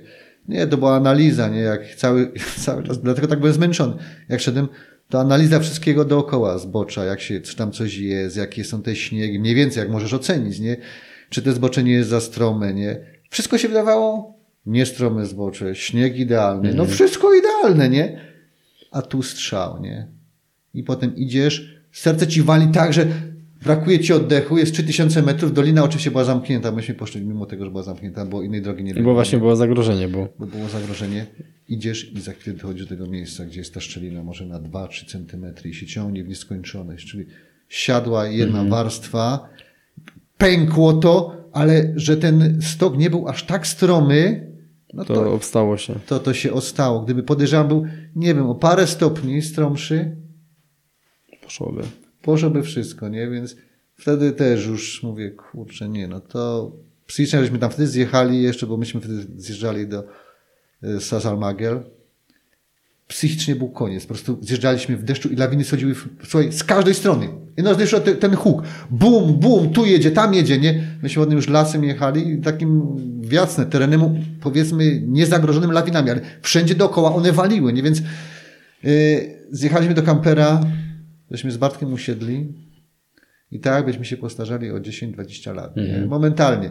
Żeśmy tak siedzieli ja mówię, kurczę, czy tak, ja mu nie zaproponowałem nic takiego, ale tak w głowie, czy nie powinniśmy pojechać chyba do domu, nie? Czy, czy Bóg nie daje jakichś znaków? Tak, czy to po prostu Czy ten limit szczęścia się już nie wyczerpał? nie wyczerpał, czy następnym razem to już będzie koniec, nie? I, I to akurat wiesz, że jesteś w tych najwyższych Alpach, jest załamanie pogody, bo akurat pogoda się wtedy łamała i, i, i coś takiego ci się przydarza i po prostu się zastanawiasz, no kurczę, no nie wiem, no to może to nie jest warte, nie? A z drugiej strony zaś ten taki hacharaszek gdzieś tam z tyłu głowy, ale już tak dalekoście zaszli, nie? To już tak już nie myślałem o Morzu Śródziemnym. Może te Kurmajer, nie? Ale co do tego Kurmajer jeszcze trzeba przejść? Mhm. Więc no, nie, nie fajnie. No a jak to jest właśnie między partnerem? Bo Jak, bo to jest często tak, że e, jak idą dwie osoby albo trzy, no to z reguły jest jeden lider, nie? I wystarczy, żeby lider powiedział, wiesz co, to nie ma sensu i, i, i ty, wiesz, że czasem partner czeka na to, żeby mu powiedzieć, e, wracajmy, nie? Czy my z Bartkiem byliśmy Tak. zgrani, wiesz, tam nie było, jak gdybym ja powiedział wracamy, to wracamy i nie ma dyskusji, nie, że Bartek powiedział okej Mhm. I, i wracamy, nie, on miał inne zadania, ja miałem inne zadania, nie, każdy z nas się zajmował zupełnie czym innym. Czyli on, był czyli koń, On miał głowę lżejszą, bo. tak, bo, on bo, był koń, miał ciągnąć to przedsięwzięcie, ja wiedziałem, że on będzie ode mnie silniejszy i, i że muszę mu zaufać. Miał na głowie nawigację, czyli Mhm. miał GPS-a i on w zasadzie tym operował. Ja miałem mu tylko wyznaczać kierunki, miałem wyznaczać kierunki zjazdu, jechać pierwszy i Mhm. takie rzeczy nie, nie jakoś tak ograniczać niebezpieczeństwo, to było moje zadanie, Mhm. nie? Natomiast y, bez takiego podziału ról my byśmy tego czy nie zrobili. Gdyby było dwóch gomoli, by tego nie zrobiło. Dwóch golców tego by nie zrobiło, Nie nie? zrobiło. Tak musieliśmy się dobrać. No i to się sprawdzało w 100%, nie? W którym momencie czułeś, że ten trawers już będzie wasz? Wiesz co? Chyba we Francji, jak żeśmy już No. doszli do Francji, bo jeszcze na Tete Blanchet, jak mieliśmy no sytuację taką w tym Wielki Piątek, Hmm. co, co przyszło to totalne załamanie pogody i tam to już... A chyba wiesz, brak widoczności jest najgorszy w górach. Tak, tak. I ja wierzę w tym momencie, że nawet GPS nas zaczął nam pokazać jakieś dziwne kierunki. Ja tam byłem parę razy, ale zgłupiałem, nie? I idę, idę, idę i stoję nad szczeliną. Wiesz, śnieżyca. Zima, po prostu coś, co nie, no, w najgorszych snach ci się nawet nie przyśni, nie? I ty w takiej sytuacji się znajdujesz, nie widać nic, GPS jakieś tam głupoty pokazuje. Ja się wtedy zacząłem zastanawiać, kurczę, może szybko jeszcze spróbuję wrócić do tego Cermat. Może się uratujemy. Śladów już nie było, nie? Nie było. Już nie było do czego wracać. Mówię, Bartek, no to wiążemy się liną, walczymy o życie, nie? Do tej Aroni. Nie wiem, jak to nam wyjdzie, no ale jakoś nam może wyjdzie, nie? Po tym, jak żeśmy wyszli gdzieś tam, okazało się, że GPS zaczął pokazywać rzeczywiście, no chyba ten, no czy wiesz, i tak nie wiesz, czy on pokazuje właściwie kierunek, nie? Ale wydawało nam się, że chyba jedziemy dobrze, no potem jeszcze tego Szwajcara żeśmy spotkali. No to w ogóle była ta kwestia z tym Szwajcarem, to, to, To było jak, jak z bajki, nie? Że To tak gościu się pojawia. To było jak z bajki. A on, on coś mówi w ogóle z wami rozmawiał, czy, czy on tak po prostu pojawił się z, spod wieżą? No bo musiał chodzić tam On tymi rejonami. znikąd pojawił. On był to, to, wiesz, wychodzisz jakby pojawia się człowiek przed tobą. Ale to, ale to tak y, jest na plus, nie?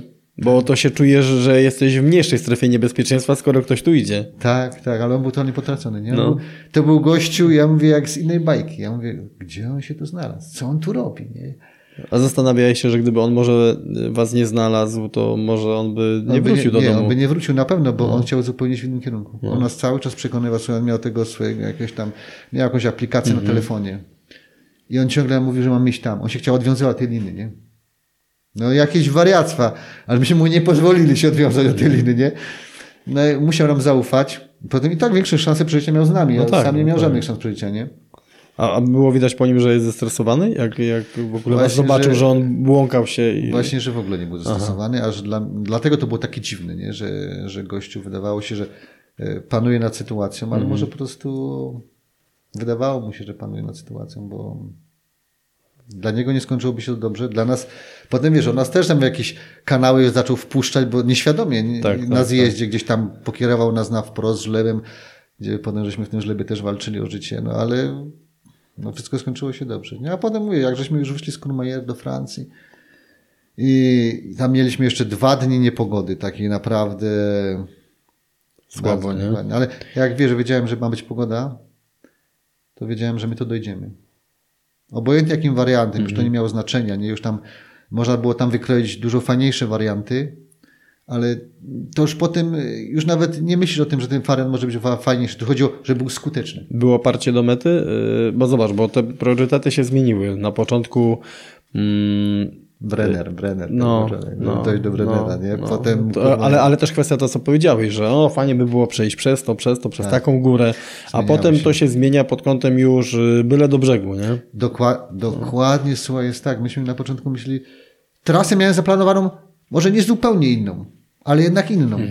Inne przejścia, inne. Wszystko zmieniało się na bieżąco. Myśmy w zasadzie wracali z etapu, wyciągaliśmy mapę, telefony, aplikacje, analiza, gdzie wiesz, w takich warunkach można pójść, czy ten wariant, który mieliśmy zaplanowany, czy rzeczywiście Jest realny jest realny, nie, czy to tam się pchać, czy to trzeba zweryfikować. I zawsześmy coś weryfikowali. Praktycznie codziennie. Y, Finalnie jesteś, y, znaczy na ile ten trawers cię zmienił? Czy on cię zmienił? Całkowicie. Całkowicie trawers mnie zmienił. Ja, ja do momentu trawersu pracowałem normalnie w szkole i w zasadzie każdy dzień był taki sam, nie? Idziesz do szkoły, pracujesz, robisz tu dom, wracasz do domu, robisz, no jak człowiek normalnie, tak to wygląda, że od rana do wieczora robisz i, i w zasadzie nad pewnymi rzeczami się w ogóle nie zastanawiasz. Tu się w pewnym momencie okazuje, że ty masz 30, no, to trwało troszeczkę dłużej, bo jeszcze dojazd, więc Tak, powiedzmy 40 40 dni. 40 dni, kiedy możesz myśleć o wszystkim. I myślisz, że za, zaczynasz dostrzegać takie rzeczy, których w życiu byś nie dostrzegł, prowadząc takie życie tutaj na nizinach, nie? I wtedy, wiesz, ograniczenie potrzeb, jak ja bym zaczął opowiadać, ludzie by w to nie uwierzyli, nie? Że myśmy ograniczyli w zasadzie potrzeby do minimum, do, powiedzmy, ludzi pierwotnych, nie? Ale okazało się, że te, to jest wystarczające. Nam nic więcej nie potrzeba. Myśmy się Da się przeżyć. Da się przeżyć. A wiesz, co jest najśmieszniejsze, że ty po prostu się tak z tą przyrodą, z tym wszystkim jakoś tam zżywasz, przystosowujesz, że okazuje się, że nawet ci to odpowiada, nie? No, to jest y, szalone, ale... No i tam to jest... Słuchaj, tutaj to życie, ja nie chcę mówić, że- nie chcę mówić, że jest fałszywe, czy jest, no, ale zazwyczaj jest nieszczere, nie? W górach wszystko jest szczere. Ta przyroda jest szczera wobec ciebie. Po prostu znajdziesz się w takim miejscu, ty sam tam się znalazłeś. Jeśli nie jesteś za słaby, niestety giniesz. No tak jak zwierzę, no taka jest prawda, nie? I, I to nie, że taka jakaś, można powiedzieć, odwieczna walka człowieka z przyrodą, nie? No bo coś w tym jest, nie? Ale to jest wszystko czyste. I ja mówię, takie bardzo proste. Tutaj są dramaty, które ktoś choruje, tego. Tam nie, tam po prostu, jasne, dramat to, że ja gdzieś tam walczę o życie, ale ja walczę, świad- to świadomy mój wybór, nie? Ja tam sam się wpchałem. To nie, że tam ktoś mi kazał tam pójść, nie? Więc zupełnie wróciłem z tego trawersu, mówię, nie, no tu trzeba coś zmienić, tu, tu ja muszę chyba inaczej popatrzeć na świat i, i, i coś innego zrobić, nie? I co zmieniłeś? Co, podejście. Znaczy, przede wszystkim zacząłem pracować na pół etatu w szkole. Mówię, nie, no, to nie może tak być, że praca jest numerem uno, nie? że to jest to, to, to, to.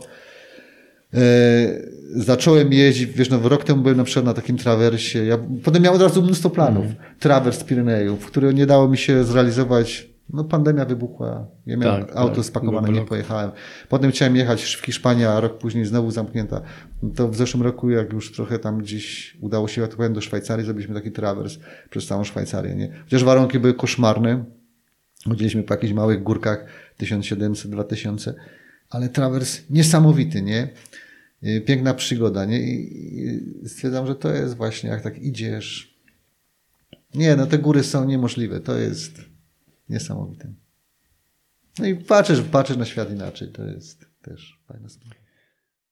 Ale e, też ja, ja wiem o czym ty mówisz, o tym napięciu takim, że jak idziesz i ty przykładowo szkolisz i ty e, jesteś odpowiedzialny za ludzi, no a tu jakby szliście z Bartkiem we dwóch e, i tak mówisz, i cały czas idziesz i monitorujesz tą trasę, nie? I to jest, wiesz, z jednej strony wiesz, że to jest optymalna trasa przejścia, nie da się tu inaczej po prostu pójść, ale czujesz, że to jest na granicy. Tak.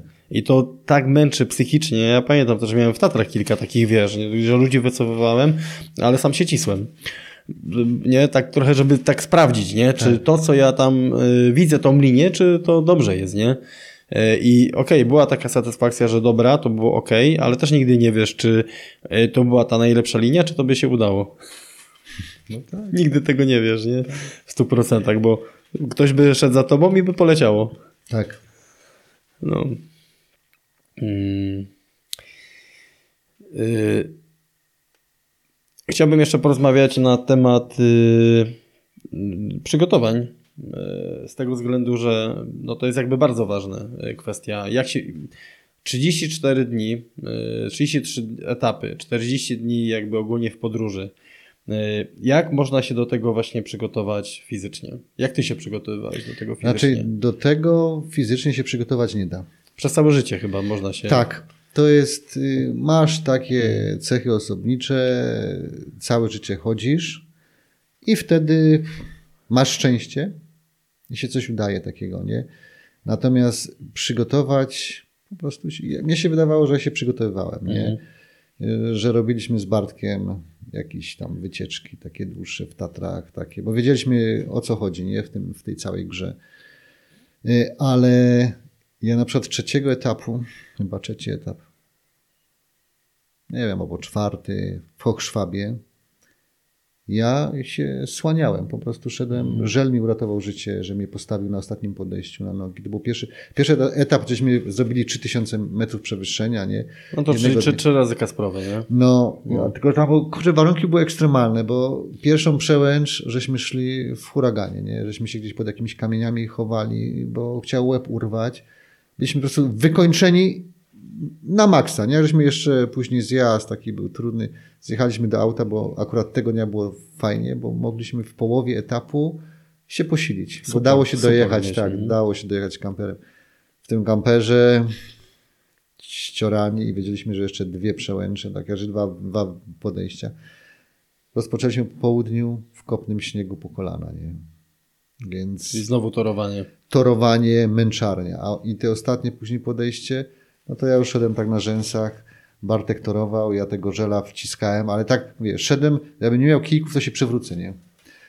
I wtedy mi się wydawało, nie, no nie mam żadnych szans. Nie mam po prostu żadnych szans dojść, bo jak ja tutaj na trzecim etapie e, Już, już. jestem w zasadzie tak. już out, nie? No to co będzie za 10 dni, za 15?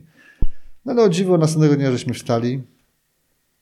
No i wcale nie krótszy etap, a żeśmy go dali, nie? I okazało się, że tego następnego dnia się czułem dobrze i, i, i się zastanawiam, jak to jest możliwe, że tutaj wydawało mi się, że do szpitala my będą brali pod kropówka, Mhm.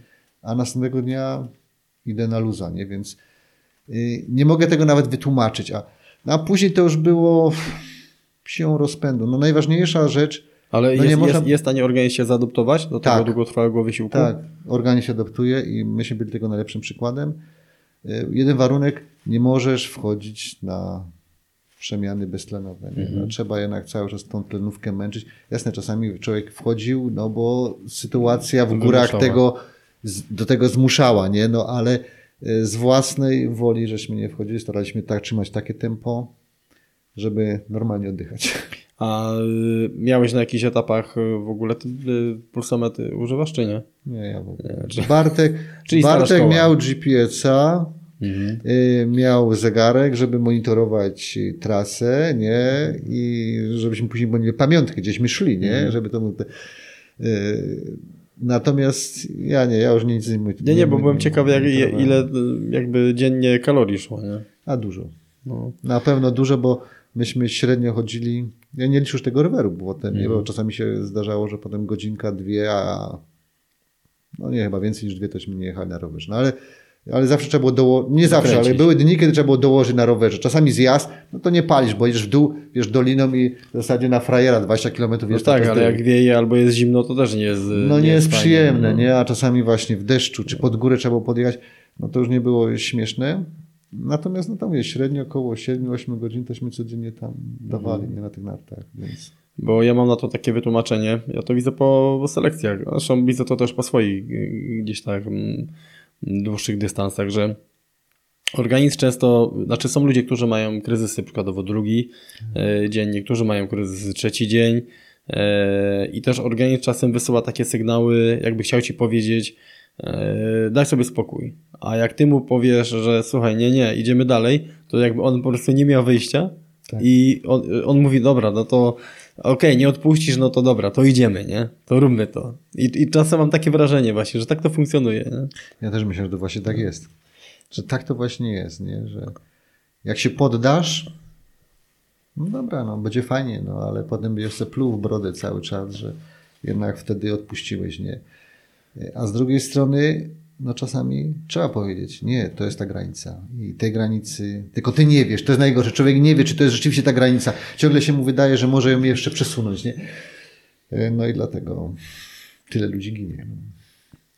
E, Ale możesz podać taki mm, przykładowo, jak się, jak się, bo to też jakby, żeby osoby, które e, biegają ultra, które trenują ski alpinizm, które chodzą na skiturach, na czym polegają wasze treningi, w, e, e, gdy przygotowałeś się do trawersu. Wiadomo, że oczywiście baza tlenowa, no miałeś już potężną wcześniej zrobioną, ale też mówiłeś, że e, pod różne zawody, pod różne dystanse jest troszeczkę inne kwestie przygotowania się. I tutaj wiedząc, że to będzie wysiłek długotrwały, to na czym skupialiście się z Bartkiem w trakcie na długich, przygotowań? na długich wycieczkach. Mhm. Na długich wycieczkach, znaczy one nie były takie mega długie, bo nie wiem, to może wynikało z tego, że może czasu nie mieliśmy Mhm. e, na dłuższe, ale e, robiliśmy trasy po 5-6 godzin w Tatrach, ale też nie było dużo, Mhm. bo chyba z 5 żeśmy zrobili, czy 4 takie.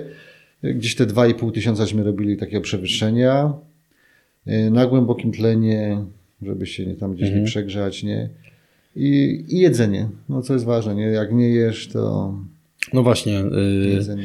i jak wyglądało jedzenie podczas trawersu? W sensie takim, no wiedzieliście, że przykładowo będzie samochód za 4, 5 albo y, schroniska będą otwarte albo nie będą otwarte, a to też wiemy, że koszty w schroniskach nie są małe. Jak właśnie wyglądała kwestia tego Już jedzenia? mówię. W schronisku byliśmy chyba w jednym Mhm. tylko.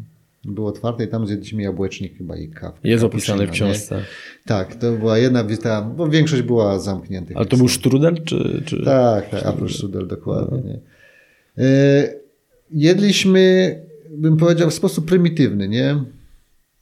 Co tobie wchodziło? Czyli, To był low cost, czy, wiesz co, czy naprawdę jadłeś to, co lubiałeś, nie? I... my, Bartek nie ruszy bez płatków i kawy. Są codziennie płatki, kawa. Ja jestem człowiekiem takim... że się Mhm. Owsiane? Owsiane Tak, jakieś ja się dostrajam do wszystkiego, nie?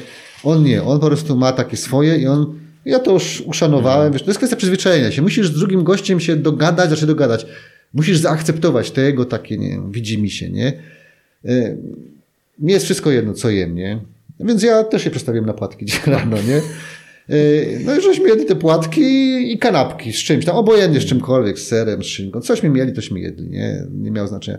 Na obiad, jeśli był obiad w ciągu dnia, że można było gdzieś tam, że Staszek podjechał kamperem, no to jedliśmy zupę z ryby, nie? Staszek kupował jakąś mrożoną rybę, takiego fileta, rozgotowywał, to wrzucał tam jakieś warzywa, z czymś to tam, nie wiem, coś tam dawał.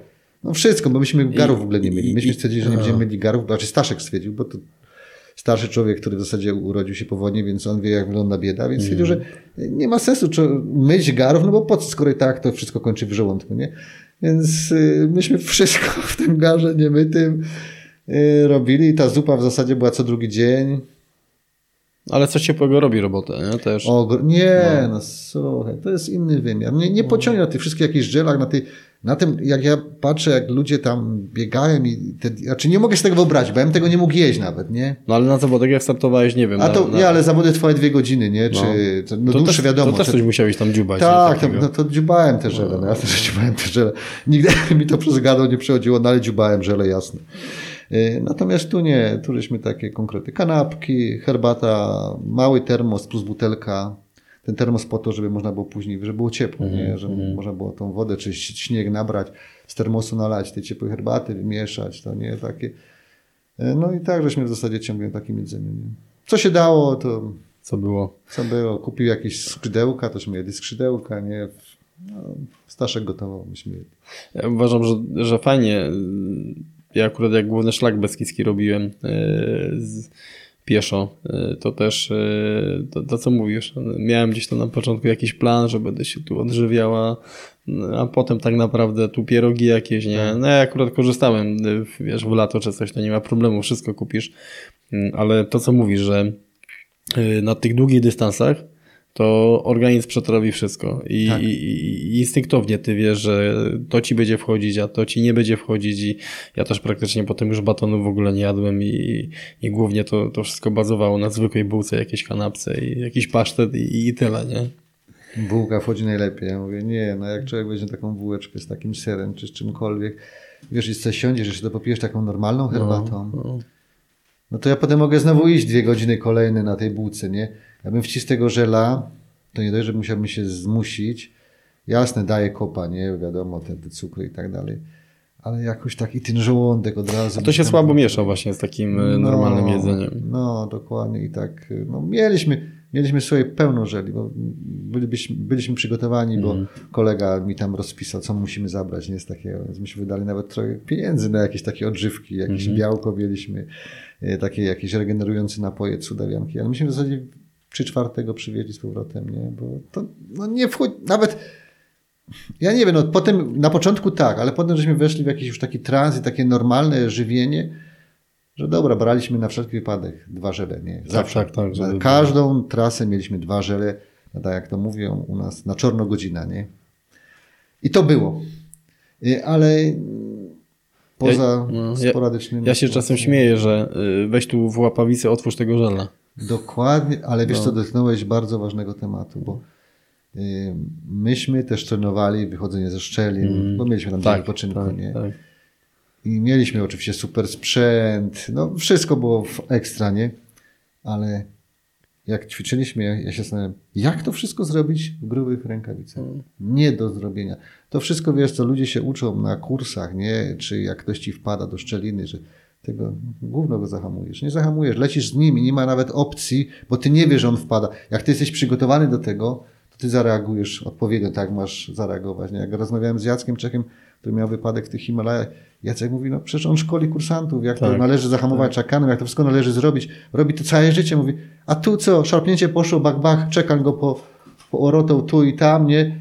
Powiedział, koniec, game over, nie? Więc to wszystko się wydaje takie proste, ale w cieplarnianych warunkach, nie? Jak przychodzi do takiej twardej walki w ekstremalnych warunkach, to człowiek jest po prostu bezbronny. To tylko takie, chyba naj, mówię, takie najprostsze sposoby. Człowiek musi znowu wrócić do tych takich, które, a nie te jakieś wynalazki techniczne. Nie? Skuteczność, nie? Skuteczność, tak, Skuteczność tylko jest miarą, y, tak. czy ta metoda jest dobra, czy nie. Tak, tylko Ja- skuteczność Ja to też tak mieć, często no. mówię, że w kwestii szkoleniowej, tak, yy, no z racji, że no też szkole pod kątem zimowym yy, i jak tłumaczę ludziom, że, że zima to jest po prostu diametralnie całkiem coś innego, nie? I przykładowo jesteśmy pierwszy dzień szkolenia i jesteśmy w środku, ja mówię, dobra, zakładamy rękawice i róbcie to teraz w rękawicach, nie? Okej, dobra, no mówię, to teraz wyjdźmy tam przykładowo na zewnątrz i zróbmy to na zewnątrz, nie? Yy, I, a w sytuacji, gdy jest źle, gdy jest naprawdę źle, Stres, to nie? też ja, ja cały czas powtarzam, nie? Ty nie, mówię termos, okej, ale tu jak idziesz w Tatry, to weź sobie tutaj przykładowo, wiesz, yy, yy, jakiegoś tam małego termosika, bo jak ty będziesz miał to tam na plecaku i idziesz grupą, to nie będziesz chciał, y, nie wyciągniesz tego po pierwsze. Po drugie, jak będzie grupa mocna, to ty nie zatrzymiesz się, bo y, grupa na tobie zrobi presję, więc ty nie będziesz chciał hamować grupy i to jest dużo takich szczegółów, które w zimę są mega ważne, nie? I, i ludzie po prostu często w zimę czegoś nie robią, a to zjem tam za pół godziny, nie? Jak zejdę, a to zjem tam jeszcze za chwilę, a nagle potem jest out. Nie ma, nie? Nie ma gościa, dlatego no tu jakby to, co mówimy, ta zima i we wspinaczce i chyba jakikolwiek sport, yy, tak kiedyś chyba ktoś powiedział, nie? Że, że też te sporty zimowe i, i to, co yy, ty jakby robiłeś, czyli dzień w dzień ta przygoda, yy, to jest nie tyle jakby doświadczenie, ale to ocieranie się tak trochę, no można powiedzieć nawet, życie, śmierć, nie? Bo, bo były sytuacje niebezpieczne. To najlepsze zawody na świecie w ogóle to, to jest namiastka tego właśnie, co możecie spotkać w trakcie Tak. takiej przygody, nie? Ale ja ci powiem jeszcze jedną rzecz. Dlaczego Bargiel osiągnął tyle, ile osiągnął? Właśnie dlatego, jasne, nie chcę tutaj stawiać tezy, że żeby osiągnąć wielkie rzeczy, to trzeba być skialpinistą. To oczywiście jest bzdura, nie? Ale ten trening tego skialpinisty w cienkim kombinezonie, na tych zawodach, gdzie ty musisz zapieprzać, bo jak staniesz na chwilę, Tak, to jest tak. super, sopel lodu i jest ci zimno, bardzo często, wiesz, gdzieś tam, nie wiem, wchodzisz na grani, wieje, tu jesteś cienko ubrany. I to, że on w tych wielkich górach tak się odnalazł, że- że zrobił takie rzeczy, to ma ogromne znaczenie, że on trenował ten ski alpinizm, że mentalnie był w stanie takie rzeczy znieść, nie? że on, no, dobra, no tak to jest, no po prostu no, muszę to wytrzymać, no koniec, nie? A to, co mówisz o tych wszystkich jakichś termostatach, Tak. to jest podstawa. Ja idę, ja mam specjalnie kieszenie naszyte na taką warstwę wewnętrzną, tak polarek. Tak, żeby ja tu mam jeszcze. jakiś, tu mam jakiś tam taki żelik owocowy, tu mam coś do picia, nie? No. Coś tam, tu jakieś tam jakaś przekąska, wszystko mam pod ręką. Plecaku Ja, noszę tylko rzeczy, ja, ja które... sneakers, sneakersa przekładam do tej kieszeni, Tak. bo tu za chwilę będę miał ciepło, nie? Ta, dokładnie tak. I jedziesz i aha, dobra, to Tak. jakby trzeba było to, Tak. tam, to, sram, to wiesz. I, I człowiek działa cały czas. Musisz działać. Jeśli chcesz iść, chcesz to zrobić w miarę szybko, czasie. a tak mówisz, jeszcze idziesz w grupie, no to już w ogóle jest właśnie, no, tak. jak idziesz sam, to się zatrzymasz, wyciągniesz. Jest presja grupy, zatrzymasz się, oni się odejdą, nie dogonisz, jak cię nie zauważą, nie? No, więc tam, to są takie myki, ale to przychodzi z czasem. Y, Ja zawsze taką mam kalkulację, jak, tak jak mówisz. Ostatnio jak robiliśmy ten trening, no to ja słabo ściągam y, foki, y, czyli jeszcze nie podskakuję, wiesz, na zasadzie ściągania, ale że podnoszę nogę i ściągam, no a koledzy robili to szybciej i, ta, i tak potem jest taka kalkulacja, że oni wy... Miałem tak właśnie z Hatim, że y, Hati szybciej robił zmiany i tak, ja u, u góry na Kasprowym to go dochodziłem, a on i tak u góry zrobił szybko zmianę, zjechał, więc y, jak ja zjeżdżałem w dół, to on już wychodził znowu, nie? I tak w kółko po prostu było, więc te parametry techniczne i y, to wszystko, co jest pomiędzy, nie tylko tą brutalną siłą, jest po prostu mega ważne, nie? W tych Mega, rzeczach. mega ma, ważny. Ja mam takiego kolegę, który bardzo dużą wagę przywiązuje do de, de, de, detali, Mhm, wiesz? Właśnie zmiana sprzętu, ciach, ciach, zdejmowanie foki, przepinki, tu narty na plecach, I, czeka Iwo. Iwonę widziałem tak właśnie, jak trenowała. Powiem ci, musisz trenować. Musisz, jak teraz... Myśmy kiedyś to nie trenowali, nie? Potem jak kończyłem już tak powoli tą karierę, to już to się stało normą, że ludzie normalnie w domu trenowali, nie? Z zakładaniem Mhm. Tak, na, tak. plecaki i tak dalej. A teraz, no to jest podstawa. Jest, no jest tak wy- wyrównany poziom, że jak ty jesteś, a tak jak ty mówisz, że ktoś szybciej zdejmie foki i zjeżdża. Jak on ci ucieknie na zjeździe, Nie, już nie, nie dojdziesz, nie? koniec. A jak ty go złapiesz na zjeździe i jedziesz jego torem, to przede wszystkim on się męczy, ty nie, bo ty już nie musisz wyłączasz Kalkulować. połowę mózgu, bo ty jedziesz jego torem. Już widzisz, co się z nim dzieje, co ten śnieg z nim robi, gdzie go szarpie, a on musi cały czas się skupiać na tym, gdzie jechać, jak wybrać optymalną linię zjazdu i jaki jest śnieg pod nartami, nie? A ty tego już nie musisz robić. Ty zjeżdżasz tą przepinkę i ty jesteś wypoczęty, a on ma 180. Dlatego to, to, co mówimy, to napięcie w trakcie, y, jak wiesz, że ty jesteś odpowiedzialny, Tak, to ja, ja czasem tak, y, że wiesz, kończę szkolenie i ja jakoś tam nie wysiliłem się fizycznie, tak? Tam 3-4 dni działania, czasem z chłopakami ode mnie z wojska działamy tam 10 dni, ale po prostu jak ze mnie zejdzie stres, to ja jestem taki zmęczony, że ja po prostu dochodzę do siebie dobre 5, 6, ja, ja, ja mam coś takiego, że ja przyjeżdżam, ja mówię, jestem warzywo przed telewizorem. Puszczam, telewizor, yy, chipsy albo jakiś popcorn i po prostu warzywie, nie? Bo muszę, mój mózg musi przestać pracować i musi to ze mnie zejść. Ja mam tak samo. Ja Tak? jestem, nie rozumiałem tego w domu. No. Ja mówię, ale zawsze mówi mojej Jadzie, Jadzie, ale dla mnie psychicznie to jest taki stres, to nie Tak. możesz sobie tego wyobrazić, bo ja czuję odpowiedzialność na swoich barkach, nie? I to nie jest tak, bo gdybym na, na swoich barkach tylko dźwigał swoje życie, no to jest pół biedy, nie? Jezus Tak, tak. no to co przekręca się, każe się kiedyś przekręci, nie? Ale ja dźwigam odpowiedzialność za innych ludzi, nie? Ja nie mogę popełnić błędu, żadnego po prostu, żadnego. Sam mogę popełnić błąd, z nimi nie mogę popełnić błędu, nie? Więc stres jest totalny, a jeszcze najgorsze jest to, wiesz jak te, jakie są czasy, że ludzie przeceniają swoje możliwości, nie? Bardzo często jest tak, niestety. I porywają się na rzeczy, na które po prostu nie mają papierów. Żadnych papierów, Tak, nie? tak. I, I wtedy dopiero jest walka, nie? Bo ty musisz tym ludziom to delikatnie powiedzieć, że słuchaj, to może nie jest ten cel, który powinniśmy zaatakować, bo to nas przerasta, nie? Wiesz, jeden to zaakceptuje i stwierdzi, aha, no rzeczywiście, nie tego. A inni powie, nie, nie, to tam, tam trzeba iść, bo to jest właśnie to, nie? I, i tu zaczyna się, zaczyna się problem, dlatego mnie to, mnie to kosztuje bardzo dużo nerwów. Znaczy, pociecha jest taka, i to uważam, że jest y, na plusy, że, y, że coraz to więcej ludzi korzysta z właśnie y, z osób, które prowadzą szkolenia, tak jak ty właśnie prowadzisz szkolenia, więc to jest powiem ci fajnie, że jak ktoś jest rozsądny i chce zrobić progres, i chce go zrobić należycie, to ma się do kogo zwrócić. I ogólnie rynek jakby weryfikuje, nie? Tu jakby bez dwóch zdań. Więc tu uważam, że jest dobrze. Natomiast no zawsze gdzieś tam tym rykoszetem będą te osoby, które to co mówimy, nie? które trochę za dużo gdzieś tam y, pewnych rzeczy naglądały się, mają ambicje, ale jakby te umiejętności są słabe. Nie?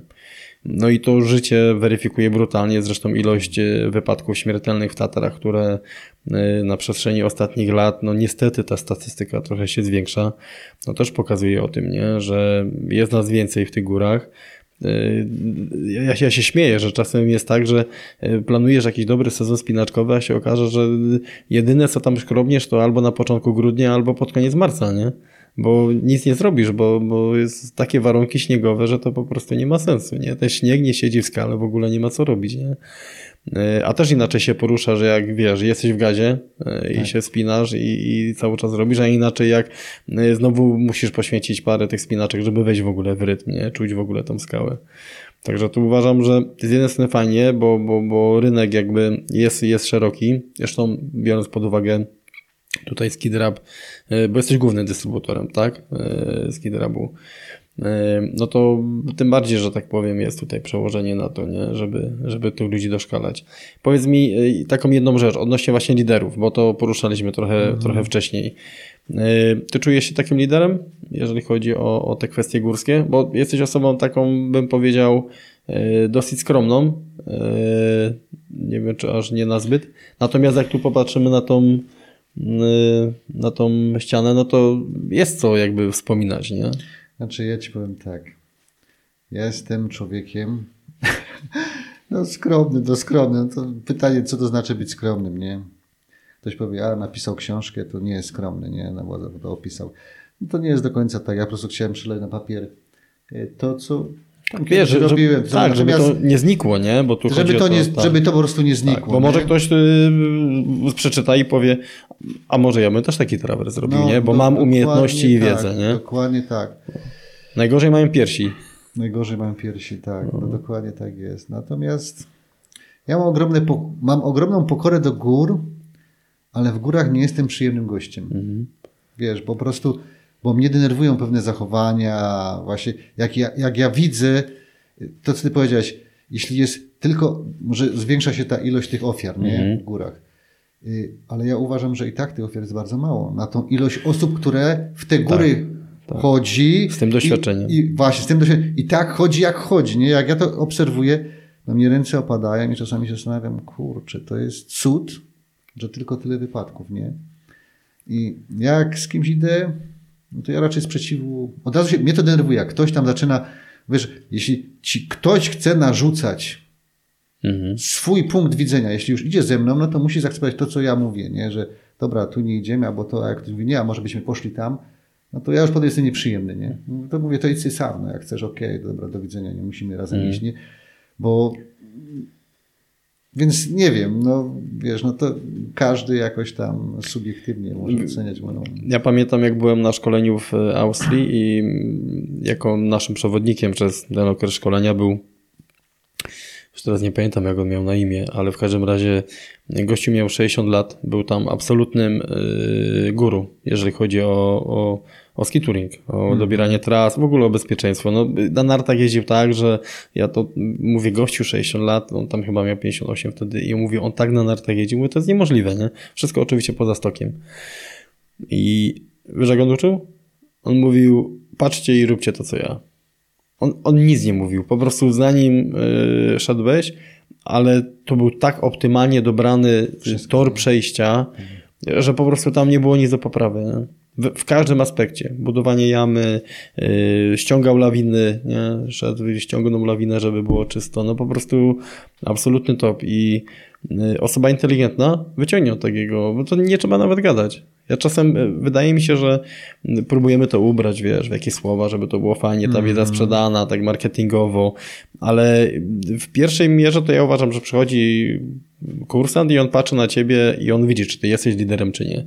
I on y, kupuje tą twoją osobowość, albo nie kupuje, nie? I albo on właśnie poprzez y, te twoje liderowanie przyjmie te twoje metody i się nauczy, bo mm, ja mówię, nie jestem zwolennikiem, żeby za dużo gadać. Trzeba po prostu dużo robić. No, no to jasne, przecież gadaniem, wiesz, no to, to nic nie zdziałasz. To musisz to sam zrobić. Musisz to sam zrobić, a jak rzeczywiście jest człowiek, którego można naśladować, bo to robi dobrze, no to to jest najlepsza nauka. Najlepsza nauka. Adam, co teraz? Co się teraz dzieje? No wiele rzeczy się dzieje. Nie? No, w tym roku znowu miałem jechać w Pireneje. E, Czyli dalej długo- Ale nie było śniegu. Mhm. Nie było po prostu śniegu, nie było żadnych szans. Nie? I obserwowałem tam te kamerki. No masakra, kurczę. No, nie mielibyśmy żadnych szans na jakiekolwiek przejście, no chyba byśmy na nogach szli. Mhm. No i nie byłoby to w ogóle w przyjemne. ogóle nie? bez sensu. Nie, to ja, ja powiedziałem sobie, nigdzie tam nie jadę, bo to, to mnie nie kręci. Nie? Więc ja tam mam ciągle wiele pomysłów. Wiesz, no, życie pokaże. Nie? Życie, życie też weryfikuje, zaskakuje nas cały czas. Więc ja nie wiem, no zobaczę, co, co życie przyniesie. Ale dalej coś y, w ten deseń, prawda? Bo, Znaczy, to, bo ten sezon już zakończyłeś, nie? Skitur, y, skitur mnie ciągnie cały czas. Wiem, czego już nie chcę robić w tym Mhm. skituringu. Ktoś mi mówi, a może byś tak jeszcze kiedyś poszedł na trawers, ale ja mówię, Mhm. co, musieliby zapłacić gigantyczne pieniądze. Gigantyczne. I musiałbym mieć przynajmniej 100 dni. I szedłem tylko Mhm. wtedy, kiedy zła natura. Tak, żeby był z tego fan. Dokładnie tak, ale na takich warunkach, jakich myśmy to przeszli, nigdy. Jasne, zrobiłem to, fajnie było, y, ale nie, drugi raz by się to nie, to nie miałoby szans powodzenia. Drugi raz, nie ma szans, to się raz zdarzyło, nie? Ja mówię, to się raz zdarzyło, koniec, kropka, nie? I amen.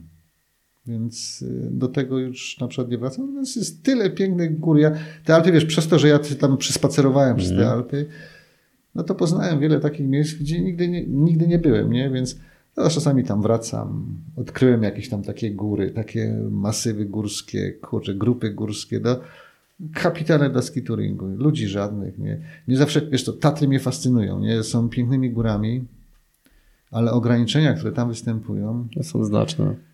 No to jest mało powiedziane. Nie, nie, wiesz, nikt nie jest w stanie mnie zaciągnąć w Tatry polskie, nie? bo ja uważam, że jazda, uprawianie skituringu po szlaku turystycznym no, jest bez sensu. To jest jakiś taki przemysł, przepis, nie wiem, no... Słowacy mają to lepiej rozwiązane, że mają jakieś tam powiedzmy te zony ski alpiniczne, gdzie ci ludzie mogą zjeżdżać, nie? Wiadomo, że te nasze Tatry są tak malutkie, że tam za bardzo nawet nie ma gdzie tego wcisnąć, nie? A tutaj jak idziesz, gdziekolwiek byś poszedł, no to wszędzie masz kolejkę ludzi, nie? No, Tak to jest, no tego nie zmienimy. no, mm, no, czyli jeżeli ty masz kogoś y, pod kątem jakby szkolenia, to zawsze to są jakby Tatry słowackie. Proszę? Y, Jak masz kogoś pod kątem szkolenia, to zawsze idziesz jakby w... Ja idę w Tatry Słowackie, idę właśnie, głównie Dolina Rochacka. No wiesz co tam, nie, to chyba jest teraz moja ulubiona dolina, tak sobie myślę. Kiedyś to była Żarska. Żarska to był ten top, to ja, ja kochałem Dolinę Żarską, ale z Rybnika dojazd do Żarskiej no jest zdecydowanie Kłopotliwy. dłuższy, nie? Y, Mniej możliwości jest tej Żarskiej dla takiego człowieka początkującego. No tam są już takie bardziej jasne, można z Żarskiego siodła jeździć, ale no ile można. No, Smutna przełęcz już jest trudniejsza, nie? Już y, też się da, no ale później tam te trzy kopy, no, no, te wszystkie żleby, no to są trudniejsze rzeczy, nie? A Rochacka daje zdecydowanie większe spektrum możliwości, nie? E, masz jeszcze jakieś marzenie związane właśnie z nartami i z górami? Wiesz co, nie. Nie, ja myślę, że to było moje największe marzenie. Ten, y, I tu się w tej kwestii czuję spełniony. Natomiast, tak mówię, jest wiele ciekawych rzeczy, na które mam ochotę, no i staram się tam jakoś je realizować. Natomiast to było moje marzenie, uważam, co, ja przeczytałem y, i, książkę Bonatiego, nie? jak on opisuje, że to było jego największe marzenie, jakby te przejście tych Alp, że to było coś takiego nieprawdopodobnego. On robił niesamowite wspinaczki, nie? Chociaż jak na pewno czytałeś książkę, to też tam to jego przejście, No tak, jak się w to tak, wgryzłem, to potem się okazało, że kurczę wyglądało to jednak troszeczkę inaczej niż my się dowiadujemy tam z jakichś innych opracowań, nie? że to taki trochę skandal i w ogóle wszystko nie do końca jego pomysł, nie? I, i wyszło jak wyszło, nie? Y, Natomiast y, No ale i tak był gdzieś y, po części pionierem. Nie? tak, tak, nie, no wiesz co, nie może mu odebrać, broń Boże, tej palmie pierwszeństwa, no bo same porwanie się na coś takiego w tamtych czasach. Tak, no z tym co- sprzętem, nie? Tak, I- jakie my mamy przecież też taki sprzęt, że kosmos, nie? Leciuteńkie narty, ja szedłem na nartach, kurcze, które ważą 700 ileś gram, nie? On szedł na drewnianych nartach z wiązaniami Kandahar, nie? To jest w ogóle Nie ten level. Nie ten level. To ja mówię, to myśmy nic nie zrobili, mój Bartkowi. Słuchaj, to byli naprawdę cyborgi tamtych czasów, nie? Cyborgi totalne, nie? I, i powtórzyć coś takiego, no ja wiesz, ja szukałem powtórzeń tego trawersu, nie? To nie mogłem normalnie znaleźć. Nie mogłem znaleźć gości, którzy to tak w jednym ciągu y, powtórzyli. No potem no, doszukałem się do paru jakichś tam przejść, nie? Ale to było wszystko, nie? Wszystko, więc to tylko świadczy, że, że to nie jest taka bułka z masłem, nie? Tak, żeby wziąć, machnąć. No ale tak mówimy, najgorzej mają piersi, potem już reszta. Potem jest o, Tak, to, to tak jak z y, Beyond Possible, nie? Y, 14 Peaks. y, Też y, wydawało się to niemożliwe, a, a, a w te 7 miesięcy zrobił te 14 szczytów i jak powiem szczerze, przeczytałem teraz jego książkę, a wcześniej oglądałem tylko ten program na Netflixie, to z racji jakby, że on też jest byłym żołnierzem, Tak. to ja widzę bardzo dużo podobieństwa pomiędzy y, tymi rzeczami, które y, żołnierz ma i które wykorzystuje w takim właśnie działaniu w skrajnych, y, w skrajnych warunkach, nie? że to jest naprawdę przewaga. I czytając tą jego książkę, no super, nie? Y, Tyle przeciwności, ile on gdzieś tam w tym wszystkim miał, a sobie z tym poradził, to my tak, wiesz, czasem wydaje mi się, że my tak łatwo przechodzimy, nie? Człowiek obejrzył ten film, e, albo nie wiem, przeczyta książkę i mówi, a dobra, spoko, nie? Ale ja wiem, że każda góra, tak jak y, przykładowo u ciebie, każdy etap, on, on w określonych warunkach to mógł, mógł być miodzio, to mogło być super, to po prostu byłaby przyjemność, a właśnie w tych warunkach, w których wy to robiliście, e, no to po prostu walka, nie? To jest nieustająca walka i trzymanie e, tej psychiki na takiej więzi, żeby e, ten garnuszek się nie wyczerpał, nie? Żeby była ochota następnego dnia iść po prostu jeszcze, nie? To jest, to jest niesamowite, nie? Dla normalnego człowieka nie są ludzie w stanie sobie tego wyobrazić, bo wiesz, bo wiesz o co chodzi, nie? Kto sobie przeczyta, nie? No, tutaj dwa poprzednie etapy nieźle nas psychicznie sponiewierały, tylko teraz, jeżeli ktoś nie, nie wie, co to jest przekraczanie progu, Tak, to on nie wie, co to znaczy sponiewierać, bo jego może sponiewierać wyjście na Kasprowy, Tak. i, i, I on tymi kategoriami myśli, nie? Dlatego też uważam, że bardzo ważne jest, żeby takie osoby gdzieś tam, nie wiem, spotykały się, czerpały e, właśnie chociażby poprzez książki, nie? Właśnie czerpały po prostu jakby tą wiedzę, bo im ten próg nasz będzie bardziej przesunięty, tym my w tych takich, tak jak mówisz tutaj, co się tu się może wydarzyć na treningu, nie? Czy jadę z tym rowerem, no tam śnieg nie poleci, nie? No dokładnie tak. Znaczy ja ci powiem, że jak ja oglądałem ten film i, zda- i tak się zastanawiałem nad tym, jak można zrobić 14 ośmiotysięcznych Mhm. tam, nie? No to w ogóle poniżej roku Tak. to myślę, kurczę brat, no przecież to jest jakiś, jakiś obłęd, bo wiesz, wychowany na książkach Mój pionowy świat, Tak, kukuczki. kuczki, Gdzie kurtyki. wiesz, tak, gdzie się wydawało, że to już jest kukuczka, to już jest jakiś top, topów nieosiągalny i w ogóle no, no coś nieprawdopodobnego, nie? I, i, I tutaj przychodzi gość, oczywiście, wiesz co mi się też nie podoba, że tak to środ- środowisko wspinaczkowe, no tak by starało się ten sukces, nie? Tak, tak. Był chłopek, tak, przyszedł, zrobił, ale tak by, nie chcę powiedzieć, że zamieść gdzieś tam, no tam, my, myśmy to robili wielkie rzeczy, nie? A ten gościu to tam, a to, tak ty mówisz, to jest zaś wydarzenie, Tak. No, wyprzedza epokę. tak, wyprzedzającą epokę, nie? To jest coś, dzisiaj się wydaje tak nieosiągalnego, tak nieosiągalnego, ale może być, że za jakiś czas gościu to w pół roku zrobi jakiś tam, Może być. I bez Może tlenu. Tak, I bez tlenu, może tak być. Yy, Ja myślę, że mm, ja myślę, że mi- między innymi ogólnie takie wydarzenia, yy, które przesuwają tą naszą granicę, yy, to są takie pokłady mentalne. Inaczej, myślę, że nauka na chwilę obecną jest już na progu odkrycia yy, tej korelacji pomiędzy właśnie naszą siłą psychiczną, a tego, że potem mówimy udało się. To tak jak ty miałeś, nie? Że tam nie spadło, że to nie objechało, gdzie po prostu powinno, nie? Gdzie czułeś, że te 10 metrów, które no jak ty przejdziesz, to już Pana Boga chwytasz za, za nogi, nie? Ale yy, uważam, że nauka jest powoli już yy, właśnie na takim progu, gdzie będzie w stanie udowodnić wpływ naszego myślenia na naprawdę kreowanie rzeczywistości, nie? Bo y, widzimy po sportowcach, że właśnie te osoby, które robią coś niemożliwego, y, no, dokonują najwięcej. Tak. No ale muszą, trzeba sobie powiedzieć, muszą na to mieć papiery. Tak, tak, tak. Muszą To, To nie jest to tak, doświadczenie, wiesz, no ale to, to Adam, no, no te, te wszystkie lata jakby, jak patrzę na te zdjęcia jeszcze, na, na, na- na te kombinezony, no to, to wszystko jest częścią składową tego, że to się Chociaż udało. ja ci powiem, ja się nad tym zastanawiam też teraz. I się zastanawiam, co powodowało, że tu mi to wyszło tak, a tu tak, że to się udało. I myślę sobie, że tak to miało po prostu być. I że to mój wpływ, jasny, jakiś wpływ na to miałem, nie? No bo zdecydowałem się stanąć w szranki z jakimś tam wyzwaniem, nie? Y, Ale czy to moje doświadczenie miało na to wpływ? Czy to, że może na czymś się tam znam, chociaż sam nie wiem, czy się znam już teraz, jak patrzę na to wszystko dookoła. Y, Może to był tylko łód szczęścia. No po prostu, nie wiem, niektóre rzeczy, wiesz co, nie da się racjonalnie wytłumaczyć, nie? No tak, ja tego przejścia naszego, tych Alp, nie potrafię w takich, no ktoś tak, mówisz, ktoś przeczyta książkę, no bo to beznamiętnie czyta, Tak, nie? tak. Ogląda, no dobra przestrzeń, ale ja wiem, z czym to się je i, i nie wiem, czy, znaczy nie, no jestem pewien, że nie byłbym w stanie drugi raz tego powtórzyć, tak? W takim stylu i w taki sposób, jak to zrobiłem za pierwszym razem, nie? Czyli może to było po prostu szczęście, że to wtedy przeszedłem tak, a nie inaczej, nie? Nie wiem, po prostu. No tak, ale, ale, ale, nie zno, wiem, ale nie wiem, Adam, nie ale wiem. cały czas wychodzimy z założenia i to, co powiedzieliśmy wcześniej, że szczęście sprzyja lepszym. A Tak, żeby- no musisz żeby- zrobić wszystko, tak, a żeby, być- się udało. Musisz zrobić wszystko, czyli musisz się przygotować mentalnie, fizycznie, po prostu totalnie wszystko.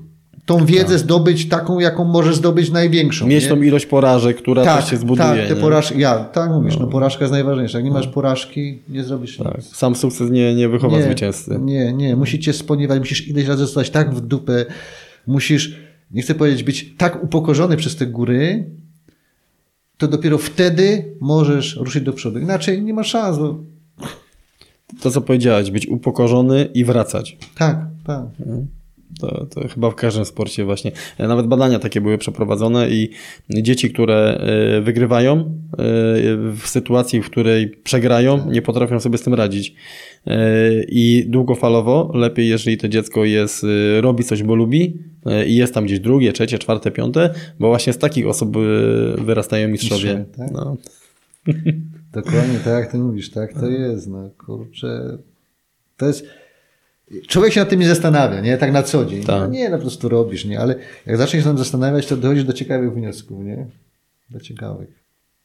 E, I, i, I tu uważam też, że ważną rolą e, na wszelkiego rodzaju właśnie szkoleniach, e, czy to nawet pod kątem psychologii, żeby uświadamiać ludzi, że ta porażka jest normalna, że ona będzie i że ją musisz zaakceptować i że to właśnie porażka weryfikuje, czy ty przykładowo te góry, czy cokolwiek co robisz, czy ty to kochasz, czy nie.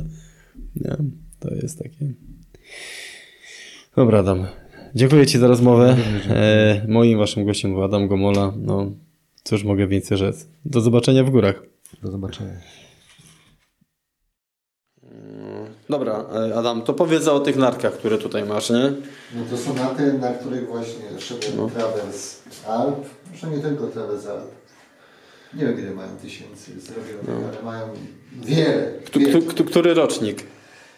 Kurde, Teraz zadajesz trudne pytania, nie wiem, to jest może model 2.17, może 2.16, nie wiem, na, na, naprawdę y, póki co mi jeszcze służą, Jaki to jest profil, powiedz mi?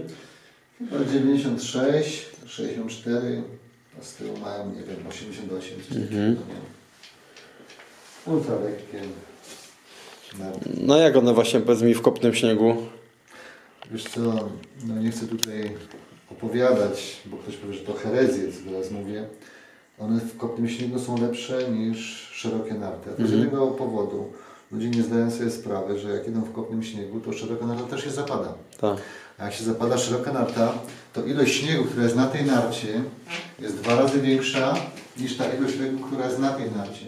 Jak ja wyciągam tą nartę spod tego, jasne, głębiej muszę ją wyciągnąć, ale wyciągam dużo mniej tego śniegu na tej narcie, niż jak ktoś idzie na tej narcie szerokiej.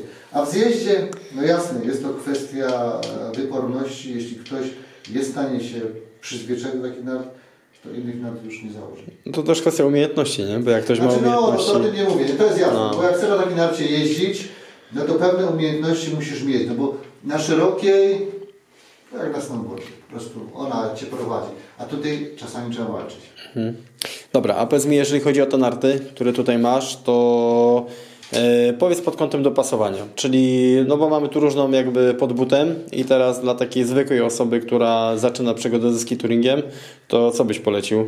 Co, Ile pod butem powinno być? już Ci mówię, jeśli ktoś jeździ już na nartach zjazdowych na pewnym poziomie i zaczyna taką przygodę z ki- ze skituringiem w Tatrach, no to by mu takie narty 82, 88 pod butem. Ten przedział. Bo na trudnych warunkach on sobie da radę. Jeśli jest ktoś, kto jeździ na nartach zjazdowych, a chce chodzić tylko po Beskidach, gdzie śniegi są dużo łatwiejsze, Tak. no jemu taka narta 75 do 80. Wystarczy w zupełności. Bo nie, po co tutaj na takie góry szeroka narta, gdzie no, nie wykorzysta w ogóle jej walorów. Więc Długość? taki przedział, no to zależy, wiesz, no, różne są preferencje. W Tatrach musisz mieć dłuższą nartę, w Beskidach krótszą, no bo są drzewa, trzeba się zmieścić. Nie potrzebujemy tutaj, nie ma dużej szybkości, bo nie ma twardego e, terenu. No w Tatrach to musisz mieć troszeczkę dłuższej narty, no bo jak chcesz szybko pojechać, Mhm. no a jak chcesz się tak miziać powoli, to też możesz mieć krótką pomiziać. A powiedz, jeżeli chodzi o profil narty, czyli tak jak mówię, no jedne mają po prostu większą łopatę, jedne mniejszą, nie? Też byś to jakoś skategoryzował? Bo, bo jest dążenie jakby trochę teraz y, niektórych ludzi na szeroką nartę, nie? Czyli, Tak, tak. czyli nieważne co, ale pod butem tam już musi być 95, Albo chociaż ja w, 100. tak, albo setka, chociaż ja w Alpy nie jadę, ale, ale musi to być, nie? A to tak naprawdę umiejętności determinują, czy to będzie fajne, czy nie, nie? Znaczy ja uważam, że szeroka narta to jest zabójstwo, nie? Dla normalnej turystyki narciarskiej to jest zabójstwo, to jest jakieś nieporozumienie. Y, Trzeba zauważyć, że narty produkuje kto? Kraje alpejskie albo Stany Zjednoczone lub Kanada.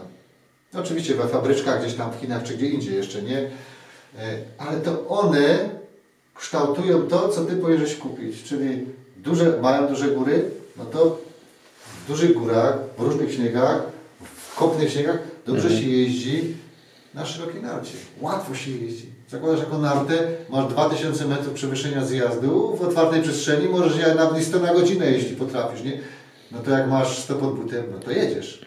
No ale teraz przychodzisz w polskie góry, idziesz w Beskidy i co, ciągniesz nartę, nie wiadomo po co.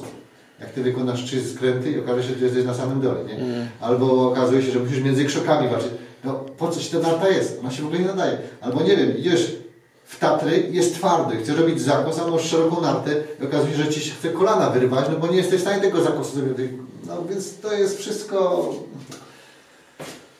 nie wiem, takie nieporozumienie troszeczkę, no ale jest taki trend i tego trendu też się nie zatrzyma. Nie? Ja też wierzę, że skitera kiedyś były wąskie narty, teraz gdzie Jasne, oni się zatrzymują na tej granicy 90 i stwierdzili, że to jest póki co ten top, nie ma sensu więcej już iść, bo jak ktoś nie radzi sobie na 90 pod butem, no to, To na powinien innego, sprze- innego, raczej innego sportu nie spróbować. Więc yy, no tak to wygląda. No. Który Adam y, z tych pucharków, które tam masz, jest dla Ciebie taki najbardziej? Nie wiem, nie wiem, wiesz co, no ja tutaj wiele takich jakichś tutaj pucharków mam. Na pewno na ten Puchar Polski 2004 to się trochę namęczyłem, no bo trzeba było w całym cyklu startować i wcale łatwo nie było. Natomiast no, każdy jakiś tam ma jakąś swoją wartość. No. Trochę potu tam i krwi zostawiłem, więc, więc no, walka była i No, jest Zatem, trochę. ja mówię, ten puchar to jest zwieńczenie, zwieńczenie jakiejś tam ciężkiej pracy. Nie? Niektórzy ludzie Partnerami podcastu są Paris Adventure, czyli szkolenia górskie, turystyka zimowa, skitury, spinaczka, które mam przyjemność prowadzić wraz z kadrą najlepszych instruktorów oraz Expo Sklep. Sklep z odzieżą i sprzętem górskim, który ma swoje sklepy stacjonarne w Będzinie i w Bielsku Białej oraz oczywiście prowadzi sprzedaż internetową. Poza dobrą ofertą, profesjonalne doradztwo gwarantowane. Jeśli jesteś ciekaw, jak wyglądał nasz gość oraz jak przebiegało nagrywanie podcastu, koniecznie zajrzyj na kanał YouTube Metal w Górach. Dodatkowo audycja wideo jest wzbogacona o super filmiki naszych gości. Koniecznie tam zajrzyj.